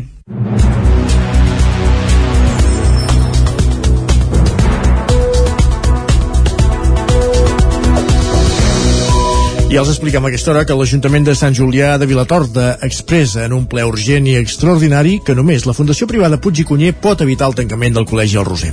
Tot i això, i tenint en compte que dilluns que ve s'acaba el termini per les preinscripcions, el ple en bloc va aprovar dimecres una moció demanant al Departament d'Educació que es pugui obrir una nova convocatòria per inscriure els alumnes i l'escola finalment no tanca. Guillem Sánchez. Abans de cloure el termini de preinscripcions per al curs vinent, que s'acaba, com dèiem, dilluns que ve, no hi haurà novetats sobre si és possible revertir el tancament del col·legi. Així ho expressava en sessió plenària extraordinària l'alcalde de Sant Julià de Vilatorta, Joan Carles Rodríguez. Per això el consistori ha volgut deixar per escrit la petició al Departament d'Educació que pugui obrir un termini especial de preinscripció per a les famílies perquè puguin continuar al Roser en cas que hi hagi continuïtat del projecte educatiu. Escoltem l'alcalde de Sant Julià, Joan Carles Rodríguez. Si això es pot revertir, jo crec que hem d'insistir i estem segurs que el departament pot obrir un nou termini de preinscripció per les famílies. Una petició recollida en una moció aprovada per unanimitat pel ple. Gaire més enllà, l'Ajuntament de Sant Julià no pot actuar per canviar la decisió presa de moment per la Fundació encarregada de la gestió del centre concertat. Ni la comunitat educativa, és a dir, les famílies i el professorat que es van concentrar abans del ple davant del consistori, ni tampoc l'Ajuntament han pogut veure encara cap documentació oficial que permeti comprovar els motius econòmics esgrimits per la Fundació Puig i Cunyer utilitzats per justificar el tancament del col·legi. Joan Carles Rodríguez. Hem parlat de mala gestió eh, en el col·legi El Roser i per tant vull que consti en acte que eh, nosaltres considerem que hi ha hagut mala gestió i considerem a més a més que eh, aquest fet es pot provar A més, aquesta setmana la Generalitat ha publicat que garanteix el concert econòmic per als alumnes inscrits al Roser fins al curs 2025-2026. Ho explica la vicepresidenta de l'AFA del Col·legi del Roser, Montse Sanz. Això per part del departament. Llavors sabem que per part dels Bofill, perquè avui sí ha agafat el telèfon i han estat parlant amb uns de l'AFA, ha dit que està fent i movent fils, que ja hi ha diners sobre la taula, i ja hi ha negociacions amb gent que potser ja començarà a posar diners a l'escola. Les famílies van mostrar la seva indignació per la situació que viuen. Durant el dia d'ahir també es va produir una reunió entre el consistori i els gestors del centre, tal com va explicar l'alcalde durant el ple, per rebre explicacions de la situació econòmica. El Lluçanès es torna a moure per convertir-se oficialment en comarca. Els alcaldes tenen demanada una reunió amb la Generalitat per reactivar la via política. El sí a constituir la comarca del Lluçanès va obtenir un 70,73% dels vots a la consulta del 26 de juliol de 2015. Durant els gairebé 7 anys que han passat des de llavors, però, no s'ha avançat. A efectes pràctics és com si hagués guanyat el no. Ara, superats els pitjors moments de la pandèmia i amb les eleccions municipals del 2023 a l'horitzó, sembla que hi torna a haver caliu polític per encendre la metja. Marc Socarrats, president del Consorci del Lluçanès i alcalde d'Oristà, explica que tenen demanada una reunió amb la Generalitat per abordar com desencallar l'oficialització de la comarca. En paral·lel, Esquerra Republicana de Prats ha entregat una petició a la diputada Alba Camps i al senador Josep Maria Reniu, que té el mateix objectiu de reactivar el debat i donar compliment als resultats de la consulta. Montse Boladeres, la portaveu del grup, diu que s'ha de posar fil a l'agulla aprofitant que a la Generalitat hi ha un govern estable liderat per Esquerra i les eleccions municipals del 2023, moment en què voldrien emmarcar la constitució del nou Consell Comarcal. A la consulta del juliol del 2015 hi van participar un 55,15% del cens i el sí es va imposar amb un 70,73% dels vots. Tot i això, a cinc pobles hi va guanyar el no, entre els quals tres d'Osona, Sant Bartomeu del Grau, Sant Agustí i Sant Boi de Lluçanès. Partidismes, personalismes i falta de consens van anar alentint els tràmits fins que la proposició de llei per crear la comarca va decaure definitivament el 28 d'octubre de 2017 amb l'aplicació de l'article 155 de la Constitució. La inestabilitat política dels últims anys i l'esclat de la pandèmia va acabar de relegar el debat al fons del calaix. Ara, però, sembla que el caliu revifa. Un brot de Covid a la residència de l'Hospital de Sant Celoni fa pujar la xifra d'ingressats. El brot s'ha de detectat aquest dilluns amb dos casos. Un cribatge ha permès localitzar 16 positius més entre els residents i 3 entre els treballadors. Núria Lázaro, des de Ràdio Televisió Cardedeu. La xifra de persones amb Covid ateses pels hospitals del Vallès Oriental ha pujat aquest dimecres respecte a les dades de fa una setmana per un brot detectat al centre sociosanitari Verge del Puig, vinculat a l'Hospital de Sant Celoni. S'han detectat aquest dilluns i afecta 18 residents que la Fundació del Centre Sanitari computa com persones amb Covid ateses. Amb tot es tracta de pacients asimptomàtics o amb afectacions molt lleus. El brot s'ha detectat aquest dilluns amb els dos primers positius. Arriba la setmana després que es flexibilitzés el règim de visites per la caiguda de la incidència de la sisena onada, on el centre no havia patit cap brot. Llavors es va fer un cribatge a tots els residents i treballadors que va permetre localitzar 16 positius més entre els residents. També tres casos entre el personal del centre que ha registrat de nou les visites. Amb les dades de dimecres, l'Hospital de Sant Celoni reporta 27 persones ateses, 19 més que la setmana anterior. D'aquestes, 18 són els residents del centre sociosanitari que han donat positiu. L'Hospital General de Granollers té 5 persones amb Covid ateses a la unitat de cures intensives. A Mollet ja no n'hi ha cap. Els tres hospitals sumen un total de 25 altes en una setmana, 14 a Granollers, 6 a Mollet i 5 a Sant Celoni. Hi ha hagut 5 defuncions de malalts amb Covid als hospitals ballesans, les mateixes que la setmana prèvia. S'han repartit així dues a Granollers i tres a Mollet. A Sant Celoni no se n'ha registrat cap. Gràcies, Núria. Anem cap a Caldes de Montbui neix l'Associació Viles Termals de Catalunya, presidida per l'alcalde de Caldes, Isidre Pineda. La nova entitat s'ha presentat aquest dimecres al balneari Vichy Català de Caldes de Malavella. Caral Campàs, des d'Ona Codinenca. L'Associació de Viles Termals de Catalunya s'ha presentat aquest dimecres al vespre al balneari Vichy Català de Caldes de Malavella. La nova entitat, presidida per l'alcalde de Caldes de Montbui, Isidre Pineda, la formen 12 municipis d'una dotzena de comarques. Caldes de Montbui, Caldes de Malavella, Caldes d'Estrac, el Vendrell, Montbrió del Camp, Nautaran, Santa Coloma de Farners, Santa Coloma de Gramenet, Sant Hilari Sacalm i Vallfogona de Riucorp. A banda, quatre municipis més estan convidats a adherir-s'hi. Són Sant Climent, Sacebes, Baix Pallars, Gandesa i la Vall de Bui. Durant l'acte, Isidre Pineda va assenyalar que els municipis que formen la nova entitat disposen d'una oferta turística que reparteix la demanda al llarg de tot l'any i que això, va dir, és una oportunitat. Entre els objectius de l'entitat hi ha el desenvolupament coordinat dels recursos a l'entorn de les aigües termals dels municipis, la millora i manteniment de l'espai turístic urbà dels municipis associats, la realització d'investigacions sobre aquests recursos o també la protecció mediambiental i sanitària de les aigües minerals. D'altra banda, entre el 4 i el 6 de de maig, Caldes de Montbui serà la seu de la propera trobada de viles termals i històriques europees. Gràcies, Caral. I un últim apunt per la cultura, perquè la pianista Laura Andrés presenta el disc Blanc aquest diumenge al Palau de l'Abadia de Sant Joan de les Abadesses. Isaac Muntades, des de la veu de Sant Joan.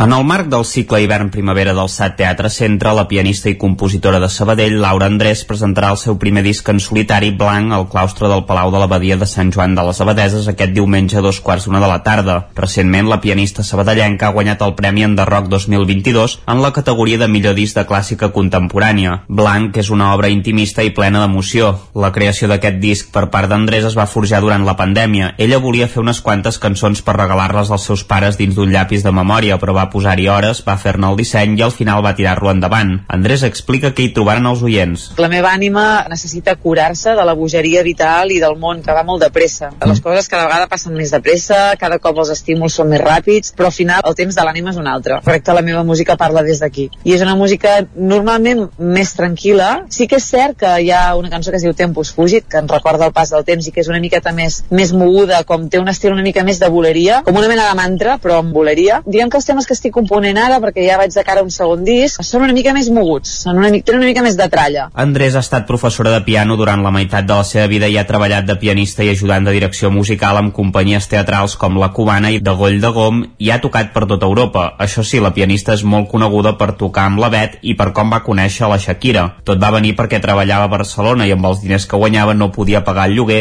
i va haver de buscar-se una altra feina. Andrés va anar a parar a una escola privada de música amb nens d'infantil, un dels quals era el fill de la cantant colombiana. Venia a les 7 del matí a portar els nens i a, a consergeria hi havia un piano i ella venia allà amb els nens, treia el cap per allà perquè sentia el piano, li agradava molt i sempre em demanava cançons, em demanava l'himne del Barça, el Baby Shark, que estava molt de moda i aquestes coses per nens. Bueno, un dia jo estava tocant, de fet amb de Goll de Gom, al teatre i em va enviar un missatge a la seva assistent per dir-me que anés a gravar a, a l'estudi un diumenge i que jo vaig anar a gravar. Andrés tocava mentre la Shakira cantava i d'allà en va néixer la cançó Tonelades del seu disc El Dorado. La pianista sabadellenca va acabar anant a la presentació del disc a Miami. Gràcies a aquesta visibilitat, Andrés va fer actuacions a Operació Triunfo els anys 2017, 2018 i 2020 i va ser pianista de la banda a gires del mateix programa. Gràcies, Isaac. Acabem aquí aquest repàs informatiu que eh, començàvem quan passaven pocs minuts de les 11 en companyia d'Isaac Muntades, Núria Lázaro, Caral Campàs i Guillem Sánchez. Moment ara de continuar parlant de música. Ho farem en companyia de Jaume Espuny, descobrint un dels clàssics musicals de la seva discoteca avui, Deep Purple.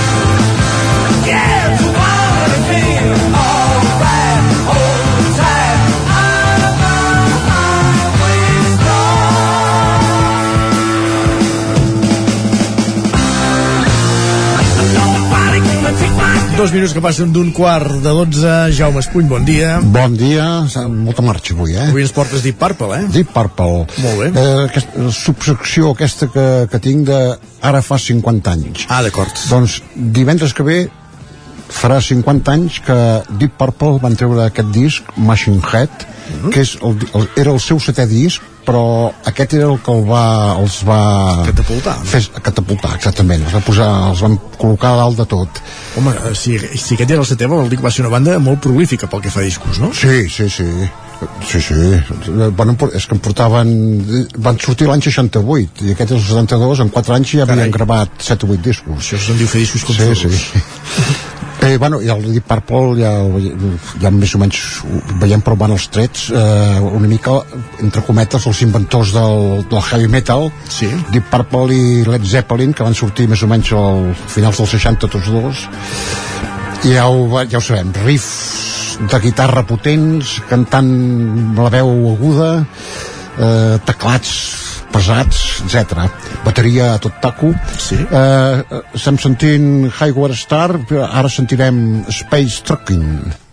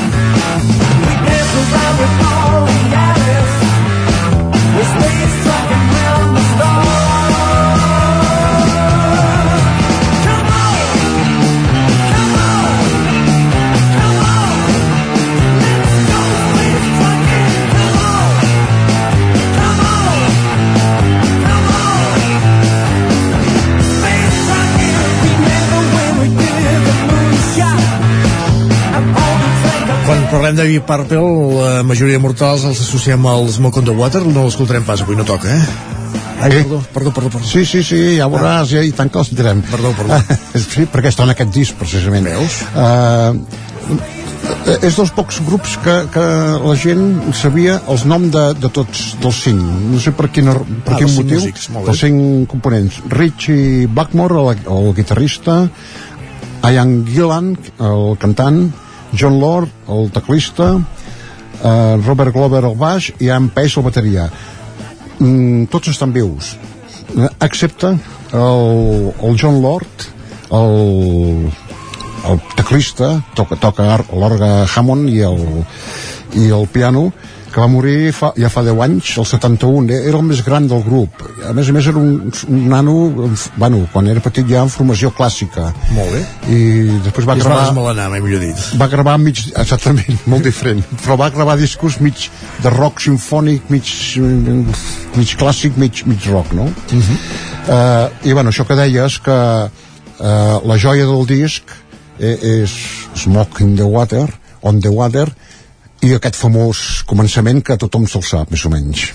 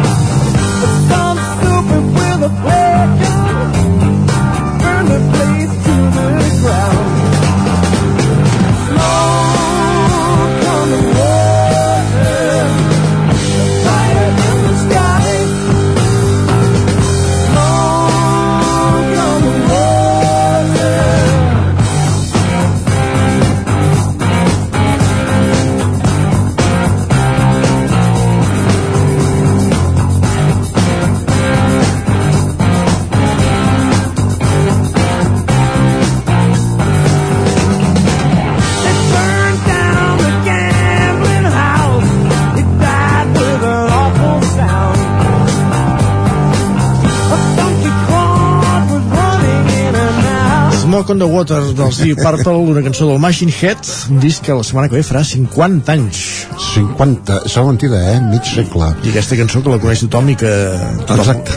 Que no caduca, per entendre'ns, No, eh? no fa gaire parlava amb un noi de 30 anys, eh? Sí? I no sabia que eren el Deep Purple. Veus? Però quan li li he fet... T'he trarejat aquest, aquest riff Da, al principi... da, sí. Oh, sí, sí, aquest sí, això sí que se sap, no? Uh, Que fet, és, també és el, primer riff que pren tothom que vol tocar la guitarra, eh? Bueno, és que ara t'anava a dir, sí senyor, avui t'estan abans. Sí, No estic uh, avançant. quan vivia a Can Demano uh, hi havia la veïna, una nena d'uns 10 anys que estudiava guitarra elèctrica, que ja, Sí. ja doncs, i tot el dia ens teníem aquest tong, tong, tong, tong. I no era pas la, la, la protagonista de, la, la guanyadora del Premi Gaudí millor protagonista, eh? No. La nena. No. Uh, totes les cançons del disc són de, del cantant el Ian Gilliam i el guitarrista el, el Rich Blackmore uh, aquest mateix any, el 72 van gravar potser, el que potser és el seu aquest, el que ara és molt famós el seu àlbum, és Made, Made in Japan sí. que és en directe de, de, de uh, Tòquio i és, és brutal aquell disc que sobretot el, el cantant jo no sé com podia sobreviure a un concert eh, amb, els, amb la veu a, a, a... És el que tenen les bandes de heavy, de fet, eh? Exactament. I ara, uh, ara sí, per acomiadar-nos, uh, escoltarem una cançó que no, no, és, no, no està en el disc, però aquell mateix any, dos mesos abans, la van treure en single, que a mi m'agrada força, que és Woman, eh, perdó, Strange King of Woman.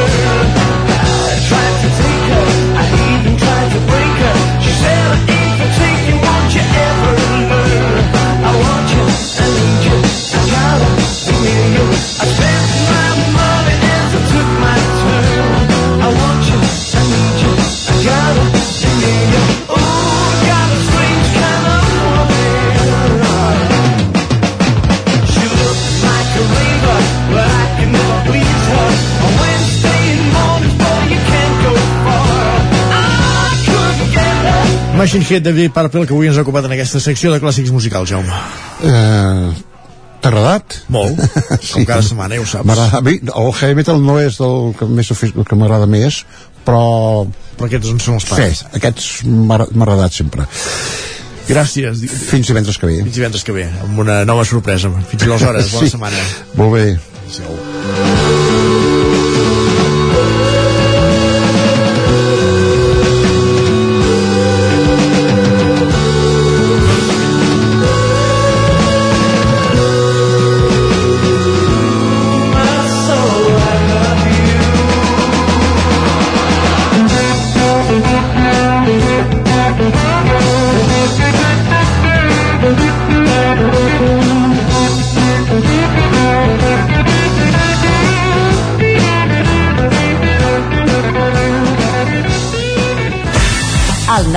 FM, la ràdio de casa, al 92.8. Al restaurant Xavito Gastro de Vic hi trobaràs una cuina mediterrània i de mercat amb gran varietat de plats, amb arrossos, carn o peix fresc de la llotja cada dia.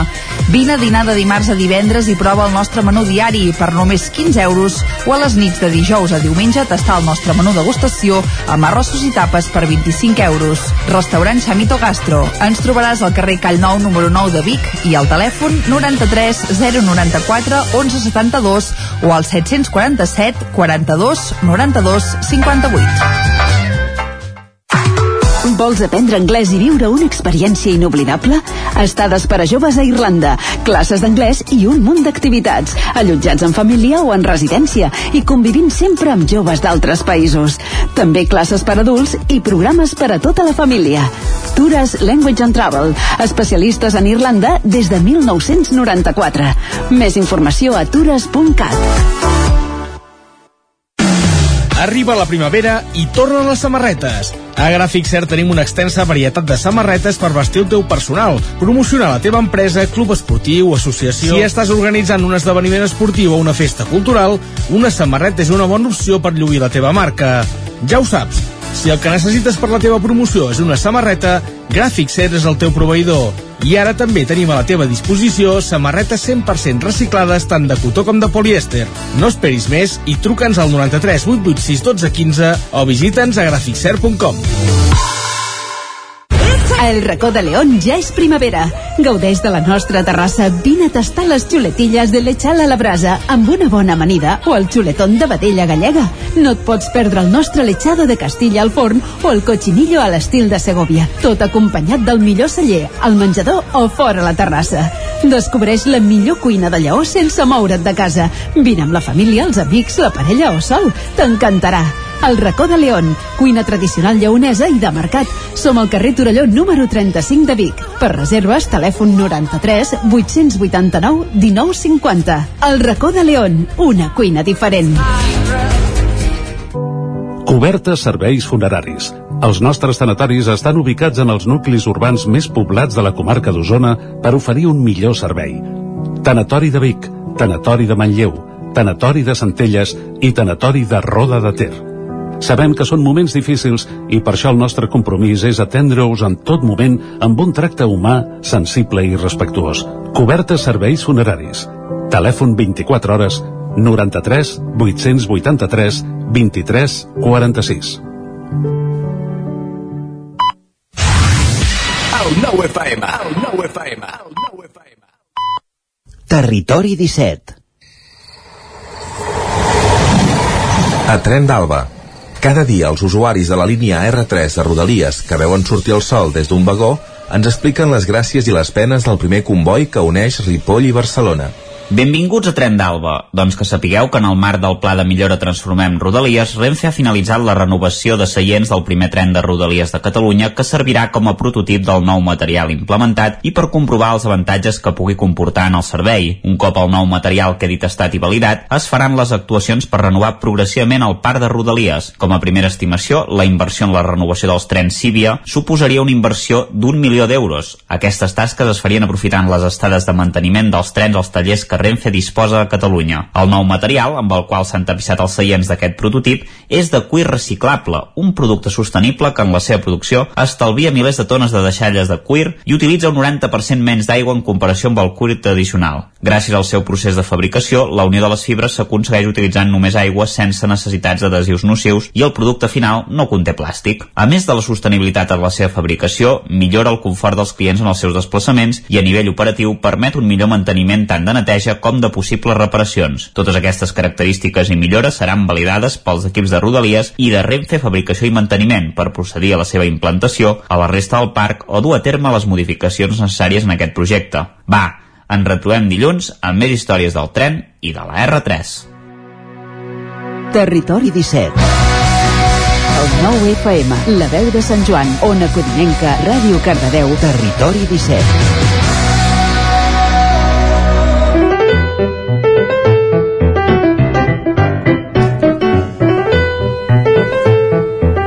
Avançat el matí es comença a obrir la gana, ara passen dos minuts de dos quarts de dotze i com sempre els divendres a aquesta hora el que fem és endinsar-nos a la secció culinària gastronòmica del territori 17, a la Foc Lent. Avui amb l'Òscar Muñoz des de Ràdio Televisió Cardedeu, que visita Cantaulats. Òscar, com vulguis. Benvinguts a un nou Foc Lent des de Cardedeu. Avui també som a Llinars del Vallès i ens hem apropat a la plaça Santa Maria, també coneguda com la plaça de la Cabra, per anar a un dels restaurants amb més història del poble. Avui anem a Can Taulats, i per això avui parlem amb en Jaume Balboa, treballador a Can Taulats. Bon dia, Jaume. Explica'ns aquesta, com va sorgir aquest restaurant. Bon dia. Can, uh, Can Taulats porta obert des del 1903, on van començar els besavis de la nostra cuinera, la Gemma, que avui en dia ella segueix fent-nos fent, -nos, alguns dels, dels plats estrella de, de Can Taulats. Ha sigut un negoci familiar fins al dia d'avui i l'any passat bueno, vam fer alguns canvis, de, vam fer alguna reforma, alguna història i ara ha canviat una mica més la propietat. Val, i ara això, explica'm, com va ser aquests, aquests inicis? Com va començar tot? Doncs al principi Can Taulats no tenia l'oferta gastronòmica que té, que té ara perquè es centraven els diners es feien bàsicament amb els esmorzars de forquilla i amb els vermuts que vam, vam arribar a ser molt famosos.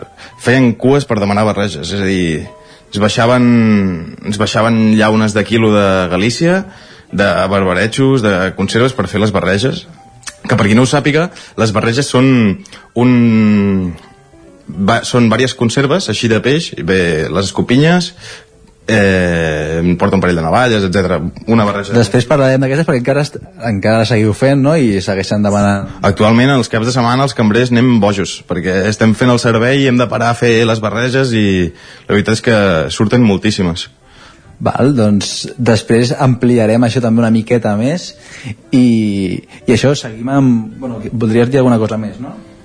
Sí, bueno, que en els seus inicis Can Taulats era la seu del futbol per excel·lència del poble perquè que tothom quan sortia d'entrenar per anar a veure els partits i així, tothom hi anava. A més teníem el futbolín, algun billar i així, i muntaven unes bones xerinoles, la veritat.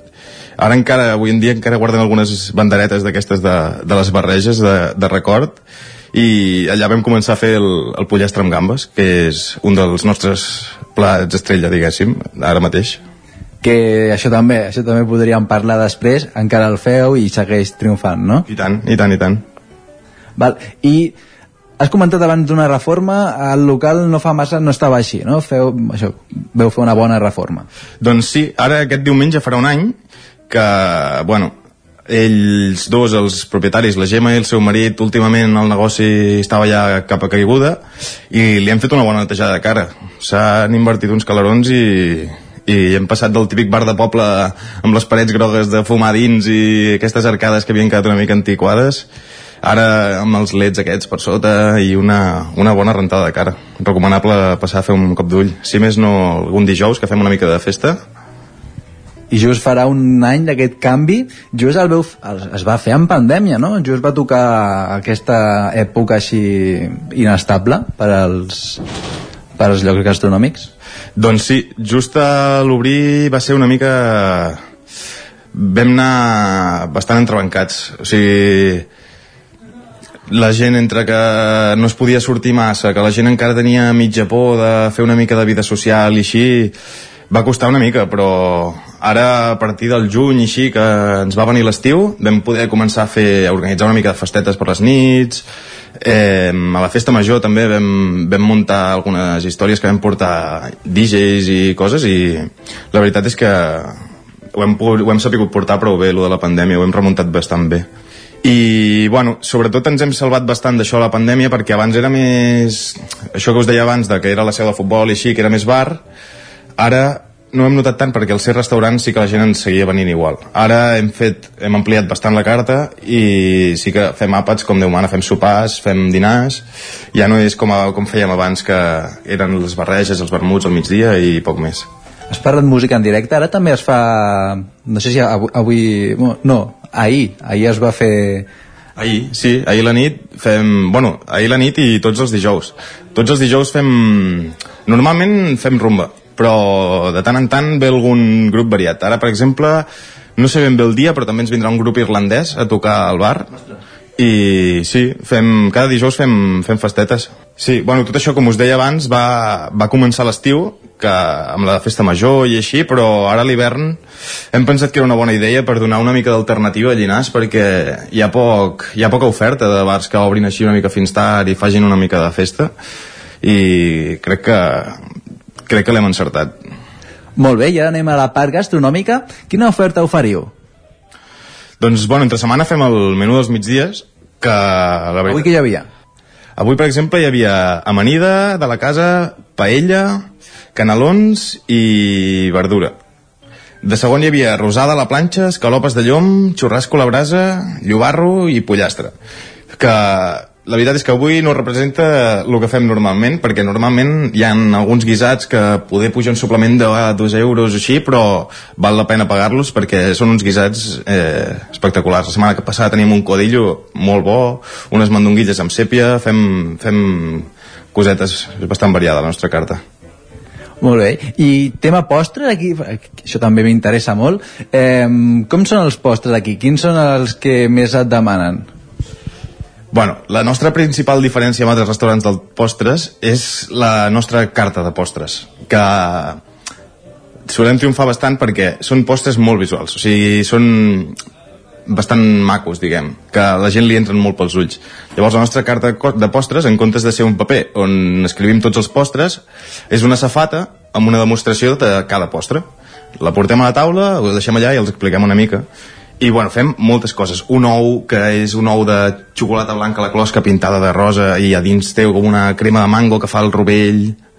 A dintre fa una marmelada del rovell i fa com una com un gelat de mango que fa la... la... Això. Està fent una boca aigua. Eh, D'aquests és un dels més demanats, el, entenc, aquest postre? Sí, l'ou de mango, els Ferreros Rocher, que tenim un blanc i un negre, també entren moltíssim pels ulls a la gent, i el pastís de formatge, la veritat és que és espectacular. Doncs després d'aquests postres eh, volem saber més aquí, sabem que es fan rostits i molt bons, hem parlat del pollastre amb gambes quins altres feu? A part, has parlat del codillo, has parlat de, de les, les mandonguilles amb sípia què, què altre més podem... degustar aquí? Dels guisats tenim més coses que la veritat és que triomfen bastant. La, la vedella amb bolets, per exemple, també està boníssima. Les galtes guisades també queden espectaculars. Bueno, és que tots, per mi tots els guisats, bueno, per mi i per, la, i per com veiem sortir la gent, els guisats solen triomfar bastant. Val, doncs si et sembla bé, eh, si ens pots explicar una miqueta com s'elabora aquest pollastre amb gambes, que, com hem comentat, s'elabora des de fa bastant de temps, des de quan es feia, doncs això, el, les nits de futbol aquí a Llinars? Doncs mira, la Gemma, quan, quan fa el pollastre amb gambes, simplement fa una paella amb oli, es posa el pollastre perquè agafi, perquè agafi color, amb ceba, all, llaurer, tomàquet i pebrot vermell, tot això es deixa fer i s'acaba fent un flamejat amb conyac i depenent del greix anirem afegint aigua o no. I les gambes, com es fan més ràpid i així, s'afegeixen durant la- la- l'elaboració. I la veritat és que queda una combinació perfecta, el pollastre amb les gambes, queda una, una combinació espectacular. Doncs aquest plat eh, té molt bona pinta i, el millor, olora, olora molt bé. I ara volem parlar també de així per acabar, la vedella amb bolets. Aquest també podem esbrinar una miqueta de com, com s'elabora. S'elabora més o menys, és igual... Sí, és bastant semblant, també. Fiquem, fiquem amb oli el, un taco de vedella, un, un tronxo d'aquests rodons de vedella, perquè agafi color, el fiquem amb oli la, a la paella, afegim ceba, alls i tomàquet, i ho ruixem amb una mica de conyac també flambejat, eh, afegim una mica d'aigua i a bullir perquè quedi la vedella ben tendra, que es desfaci quan la, podem, quan la mengem. Després traiem la vedella i amb tot el que tenim al foc es tritura i es fa un, la salseta que després eh, li donarà l'alegria a la vedella. També es fa una picada d'ametlles i... Perdó, m'he deixat abans de servir-ho. Clar, hem d'afegir els bolets, que també els fem, els fem a part, perquè clar, si no es deshidratarien molt al fer-ho amb, tot el, amb tot el procés aquest. Els afegim, els tallem una mica petitons, els fiquem a dintre i, bueno, i tallem la vedella amb la típica vedella amb bolets, els tallem amb els filets aquests primets Molt bé, amb aquestes dues receptes acabem, no sense abans de parlar dels vermuts que ens els deixàvem per al final. Parlàvem d'aquestes barreges. Aquí, cantaulats, com les prepareu? Que, quins són els ingredients que, que hi fiqueu dins de les barreges? M'heu dit que la, la salsa no, la feu vosaltres casera, no la podeu dir la, sec- la recepta secreta, però sí que tot el que porta, perquè es veu. Doncs sí, la barreja en si porta escopinyes, un parell de un parell de navalles, eh, porta també alguna almeja, eh, algun musclo, és així una, una, una barreja variada de, de conserves, i bueno, a part de les barreges mm, fem de tot, bocarons, anxoves, eh, i, i el que triomfa moltíssim, sobretot, és la, el que deies tu, la salsa de la gema, que és que no ens l'ensenya ni els propis treballadors del taulat, ens la vol saber dir, perquè no vol que la sàpiga fer ningú més a part que ella. I la veritat és que no res a veure amb l'espinaler i amb marques comercials, de veritat, res a veure. I tot això ho acompanyen amb un bon vermut de... Sí. Amb un bon vermutet negre o, bueno, blanc, segons la persona, però sí, sí. La veritat és que els cambrers ens tornem bojos servint vermuts els caps de setmana. Sobretot si fa una mica de solet, que tenim aquesta terrassa també emparida que hem deixat després de la reforma, tornem bojos servint vermuts. Doncs moltes gràcies, Jaume, per ser aquí amb nosaltres, al Territori 17, per explicar-nos també aquestes receptes i de tot el que feu a Cantaulats. Ah, gràcies a vosaltres per, per donar-nos l'oportunitat de fer-nos veure una mica més i això, espero veure-us per allà. I tornem al relleu a Vic. Eh, què sou més vosaltres, de pollastre amb gambes o de vedella amb bolets? Us deixo aquí la, la pregunta. Home, doncs, en temes culinaris, Òscar, ja saps que nosaltres no ens hi posem pas per poc. Tot, cada cosa al seu moment. Pollastre, gambes, vedella amb bolets, tot ho fem anar.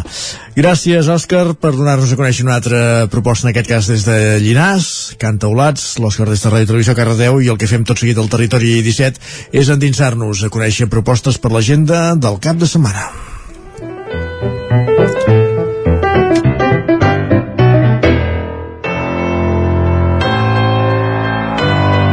Territori, Territori 17. 17. Territori 17.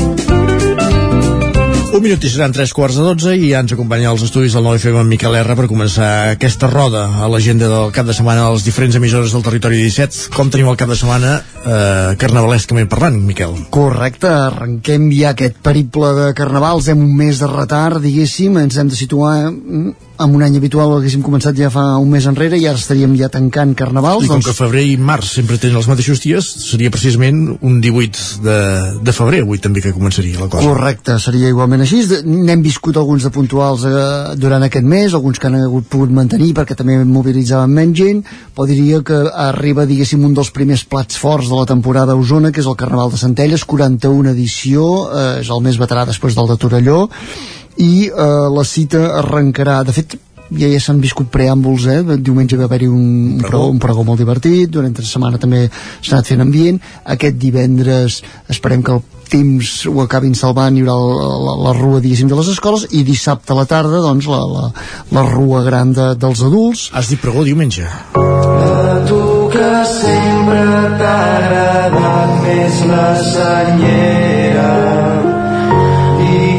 treballes perquè no hi hagi fronteres escolta'ns bé Paré, paré, paré. Paré és l'alcalde. Arnau Casanovas i Guim Puig adreçant aquest paré, paré, paré eh, amb un carnaval que va ser molt divertit, que va omplir el, el casal parroquial perquè precisament hi havia previsió de pluja, que es va omplir per, per escoltar i per tant una versió digna dels millors Polònia, eh, em sap greu dir-ho, amb, amb aquesta versió radiofònica del precisament, que aquest cap de setmana tenim a Vic la, la Rigoberta. la Rigoberta, doncs això, en versió paré paré eh, doncs això, obria amb clau d'humor aquest carnaval que continuarà aquest dissabte, a partir de les 5 de la tarda hi ha la concentració de carrosses i comparses. Ja hi havia com a mínim de 700 a 800 ja inscrits eh, a mitja setmana eh, i eh, el que s'ha intentat aquest any ja dic sortida de, de la rua a partir de dos quarts de set de la tarda el que s'ha intentat és avançar una mica tot el programa. Generalment hi havia el veredicte eh, passada mitjanit, llarga, a les dues de la matinada. En aquest cas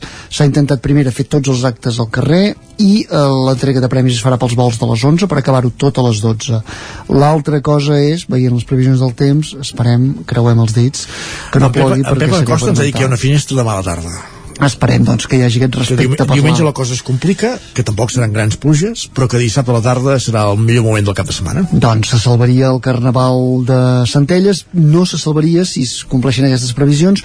Un altre de molt més petit el carnaval del Voltreganès. És un carnaval que es farà, que es trasllada sempre també es feia dissabte, en aquest cas es trasllada diumenge al matí, és un carnaval que comparteixen Sant Hipòlit i les Masies de Voltregà, fins ara la veritat és que portava tot el pes Sant Hipòlit generalment, eh, ara han acordat una mica que cada any faran una mica la, per dir-ho així, anfitrions de l'organització un dels dos pobles en aquest cas serà Sant Hipòlit de Voltregà una mica com fan i van fer ara fa una setmana també o, o que, acostum, que es acostumen a fer Montesquieu i Sant Quirze per exemple, en aquest cas uh. -huh. doncs Sant Hipòlit i les Masies amb un carnaval eminentment familiar i eminentment amb presència sobretot d'escoles això serà amb sortida diumenge a les 10 del matí de Rambla Catalunya. I una altra activitat que també necessitaria que el temps acompanyi és una nova edició de la Vic Slot Clàssic, 15a edició. De fet eh, torna a la plaça Major. L'any passat es va fer un format així reduït aquí al Parc Balmes eh, per, per controlar aforaments. Aquest any pot tornar al seu escenari habitual. Eh, hi ha una quarantena d'expositors eh, que, desplegaran una vuitantena de parades amb, amb això, no? amb, amb, amb el clàssic repertori de cotxes aquests d'esclèxtics de, de tota la vida acompanyat també d'una mostra de, de vehicles clàssics al mig de la plaça Major. Això serà diumenge, arrencarà les 9 del matí i acabarà a les dues del migdia. La Fira Vigaslot, a la plaça Major de Vic, eh, en principi? Perfecte, doncs uh, això mateix. Doncs aquí completaríem una mica l'agenda del cap de setmana. Doncs vinga, estarem pendents de tot plegat i també del cel, els, els organitzadors d'aquestes propostes, semblaria que no hauríem de patir, perquè ja et dic que em deien que diumenge, que és quan més es complica, seran pluges lleus, de, com a molt 5-10 litres. En toquem fi, fusta. Toquem fusta, com vull dir. Bon cap de setmana, Miquel, gràcies. Setmana... Continuem aquest recorregut per les emissores del territori 17 per conèixer l'agenda del cap de setmana, l'agenda d'actes del cap de setmana en l'àmbit de fires, de festes i el que fem ara és aturar-nos a Ràdio Televisió Cardeu per saludar de nou l'Òscar Muñoz per conèixer, doncs això, les fires, les propostes que hi ha a l'entorn de Cardedeu, Granollers, Llinars aquests propers dies. Òscar.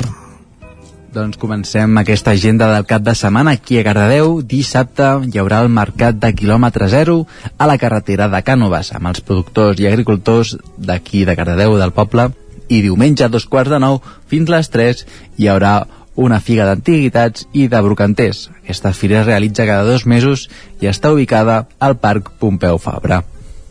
Doncs si no trobem res per aquí Cardedeu, hauríem d'anar cap a Granollers on avui mateix a les 9 ha començat el Mercat d'Artesans i dels encants solidaris de l'Assemblea d'Aturats a la plaça de Can Trullàs i ja, si no, demà al matí a les 8 del matí a Can Bassa al Mercat de Segona Mà i a les 9 comença el Mercat de Productes Ecològics i de Proximitat a la plaça de la Corona, els encants solidaris de l'Assemblea d'Aturats a la plaça de Can Trullàs i la Fira de Productes Naturals a la plaça de les Olles.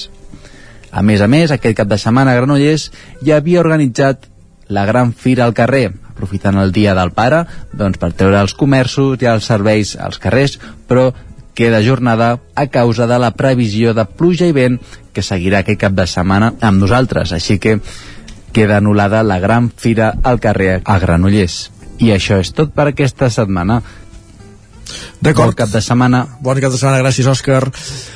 Continuem aquest recorregut cap al Ripollès. Saludem ara l'Isaac Muntades, de nou des de la veu de Sant Joan. Bon dia. Doncs mireu, tenim pocs actes aquest cap de setmana d'oci. De fet, us en recomanaré un parell, que no tenim massa, massa cosa, perquè, evidentment, doncs, els actes eh, culturals eh, es van emportar bona part de l'agenda del dimecres. Sí que és cert que a partir de la setmana que ve ja arriba algun carnaval aquí al Ripollès, per tant, doncs, també, també us en parlarem. Uh, bàsicament, dues activitats. Aquest diumenge, a Ripoll, es disputarà una marxa de la regularitat familiar per parelles. La sortida serà a les 9 del matí al Passeig Regull de Ripoll i l'arribada doncs, a la plaça 1 d'octubre, al costat de la Biblioteca Lambert Mata. Cal dir que la prova és puntuable per la Lliga de Marxes de Regularitat Infantils de Ripoll 2022 i el sorteig de dorsals doncs, es fa avui mateix, aquest divendres, eh, i s'entregaran als participants de cada escola. Uh, després, per acabar, aquest cap de setmana uh, tornen els diumenges de ball a la sala diagonal de Can de Bànol i a partir de dos quarts de sis, amb berenar inclòs i entrada, hi haurà l'actuació de Gavi del Cotón, uh, i per un preu de només 8 euros i mig. Per tant, aquestes serien una mica les activitats que tenim aquest cap de setmana al Ripollès. Gràcies, Isaac, bon cap de setmana també. I continuem i acabem aquest recorregut als estudis d'Ona Codinenca avui amb la Caral Campàs. Caral, com tenim l'agenda? Hola. Doncs mira, començo fent un apunt cultural que hem detectat a, avui i és que aquí a Sant Feliu de Codines tornen a reprendre la temporada de concerts, els de l'Incivic Zone um, i ho faran aquest dissabte, demà dissabte a partir de dos quarts de set de la tarda uh, oferiran concerts de punk amb Bon Strom uh, Leitspur Lake primer infant i les salvatges. Carai, molt bé. Això serà Sí, aquest dissabte demà, uh, per un preu de, de 8 euros, doncs els de l'Incivic Zone que reprenen l'activitat i ben, ben contents. Els fans del punk cap a Sant Feliu, doncs. Sí, eh, i deixant a banda aquest eh, punt cultural, us parlo de, que, de dues fires molt importants, ja més agen amb agenda d'oci. Um, jo us recomano que aquest de, de setmana, si heu de venir pel Vallès, eh, feu parada o a Caldes de Montbui o a Vigues i Rills del Fai. D'acord, ens ho apuntem. A Cal sí, a Caldes tenim el mercat de, de l'olla i la caldera que es recupera després de la pausa provocada per la pandèmia i ho fa arribant a, a la desena edició. Um, us recordo doncs que aquest mercat eh, dura tot el cap de setmana i el casc antic de, de, de Caldes eh, s'omple de, de 75 parades que oferiran doncs, productes gastronòmics i artesans, unes parades que s'instal·laran a les places de l'Església de l'1 d'octubre, de la Font del Lleó i, i de Can Rius i també pels carrers del Forn, Samsó i del Pont, tot el nucli antic. Doncs aquestes parades es, es preparen a l'entorn de, de potser l'acte que dona nom a la fira, a la fira de, de l'olla i la caldera i és que és la protagonista, no? l'olla més gran de Catalunya, uh -huh. que tenim a Caldes de Montbui, amb capacitat per 1.500 litres de, de caldo on, on es cuinaran doncs, cigrons i llenties amb aigua termal i amb foc de, de llenya i es preveu doncs eh, que, que durant tot el cap de setmana es cuinin 3.000 racions de llegums, que són 1.000 de llenties padrines i unes 2.000 de racions de, de cigrons, i, i bé, en aquest cas els cigrons es cuinaran amb un brou vegetal i s'acompanyaran també amb botifarra del perol. Llavors, bé, tothom qui vulgui doncs, pot acostar-se a provar aquest caldo um, i també doncs a xafardejar per les 75 parades que hi haurà de productes gastronòmics i artesans um, Molt també bé. Us baixo del paral- caldo i les sopes, eh? Cap, cap a, aquesta, cap Sí. a aquest racó de, del Vallès. ens agrada, ens agrada, com que tenim l'olla aquesta doncs li, Molt li traiem profit i tant per Nadal com, com per la fira de, de l'olla doncs la traiem. Uh, això dic que paral·lelament també els restaurants de, de Caldes alguns s'han unit a la proposta Sams en va a l'olla amb l'objectiu doncs, d'oferir dis- diferents exemples de, de gastronomia tradicional i termal. I, i bé, aquesta proposta consisteix en la creació d'un plat estrella que, que s'inclou en cada una de, de les cartes dels establiments que, que s'hi han adherit i que es podrà degustar uh, del 19, de, de, des de demà fins al 27 de, de març. Doncs uh, 11 restaurants s'han eh, adherit a aquesta iniciativa que proposaran un plat singular inspirat, això sí, en la cuina termal i tradicional i que ha de ser doncs, un homenatge a la cuina de proximitat i de qualitat i l'altra opció que us proposo així potent eh, pel que fa a, fira, a fires és eh, la desena fira de l'olivera i el vuitè mercat del Partasà que es farà a Vigues i Riells del FAI aquest dissabte eh, les parades doncs, de- d'oli de, la varietat Vera i també de Partasà es centraran a la plaça del Trull eh, des de les 10 del matí fins a les 2 però a més a més a banda d'aquestes paradetes també hi haurà doncs, tallers, es, espectacles i, i xerrades. Us en destaco alguns um, per exemple de les 11 a les 2 precisament es farà un taller sobre l'elaboració de sabó a càrrec del Consorci de Residus del Vallès Oriental. També des de dos quarts d'onze a les dues hi haurà sessions de 30 minuts de l'espectacle de màgia La Cúpula Alquímica a càrrec de L Màgic i a dos quarts de 12 el Gremi d'Hoteleria del Vallès Oriental farà un show cooking eh, on s'explicarà doncs, l'elaboració de dues receptes fetes amb productes de proximitat i també amb l'oli vera del Vallès com a ingredient principal Llavors, eh, també eh, aquestes activitats s'allarguen fins i tot eh, fins al dia 21, dilluns 21, que se celebrarà una trobada gastronòmica sobre l'olivera i el partasà dirigida a professionals del sector i es farà a les 6 a l'hotel Molí de la Torre. Perfecte, doncs dues propostes que més són compatibles perquè una és tot el cap de setmana, l'altra només dissabte, doncs cap Sí. a Vigues i Caldes i falta gent al cap de setmana també. Sí, tant, pot fer la ruta. Gràcies, Caral. A vosaltres, merci. Bon cap de setmana. Igualment. I entrem a la recta final del Territori 17 amb aquest fragment de Ai Mamà, una de les cançons de Rigoberta Bandini que avui serà a partir de les 8 del vespre a l'Atlàntida de Vic. Recordem, no queden entrades, fa temps que estan exaurides, però és un, segurament una de les cites principals del cap de setmana musical a la comarca d'Osona.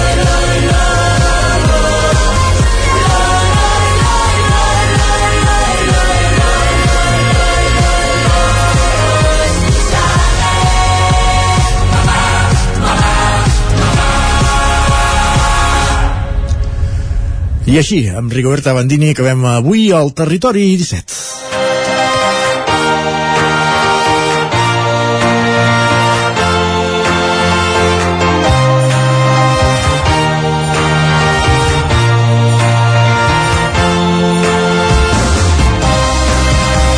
Un magazín, un matinal, un programa que començava a les 9 del matí, que us ha acompanyat des de fins ara al punt de les 12, a les sintonies de Ona Codinenca, la veu de Sant Joan, Ràdio Cardedeu, Ràdio Vic i el 9 FM i el 9 TV i en el qual us hem acompanyat des de les 9 Clàudia Dinarès, Pepa Costa, Núria Lázaro, Guillem Ric, Òstia Rovira, Guillem Sánchez, Jaume Espuny, Isaac Muntades, Caral Campàs, Òscar Muñoz, Miquel R, Jordi Sunyer i Isaac Moreno.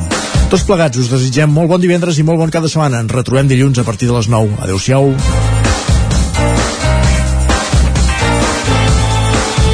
Territori 17, un magazín del nou FM. La veu de Sant Joan, Ona Codinenca i Ràdio Cardedeu amb el suport de la xarxa. El nou FM.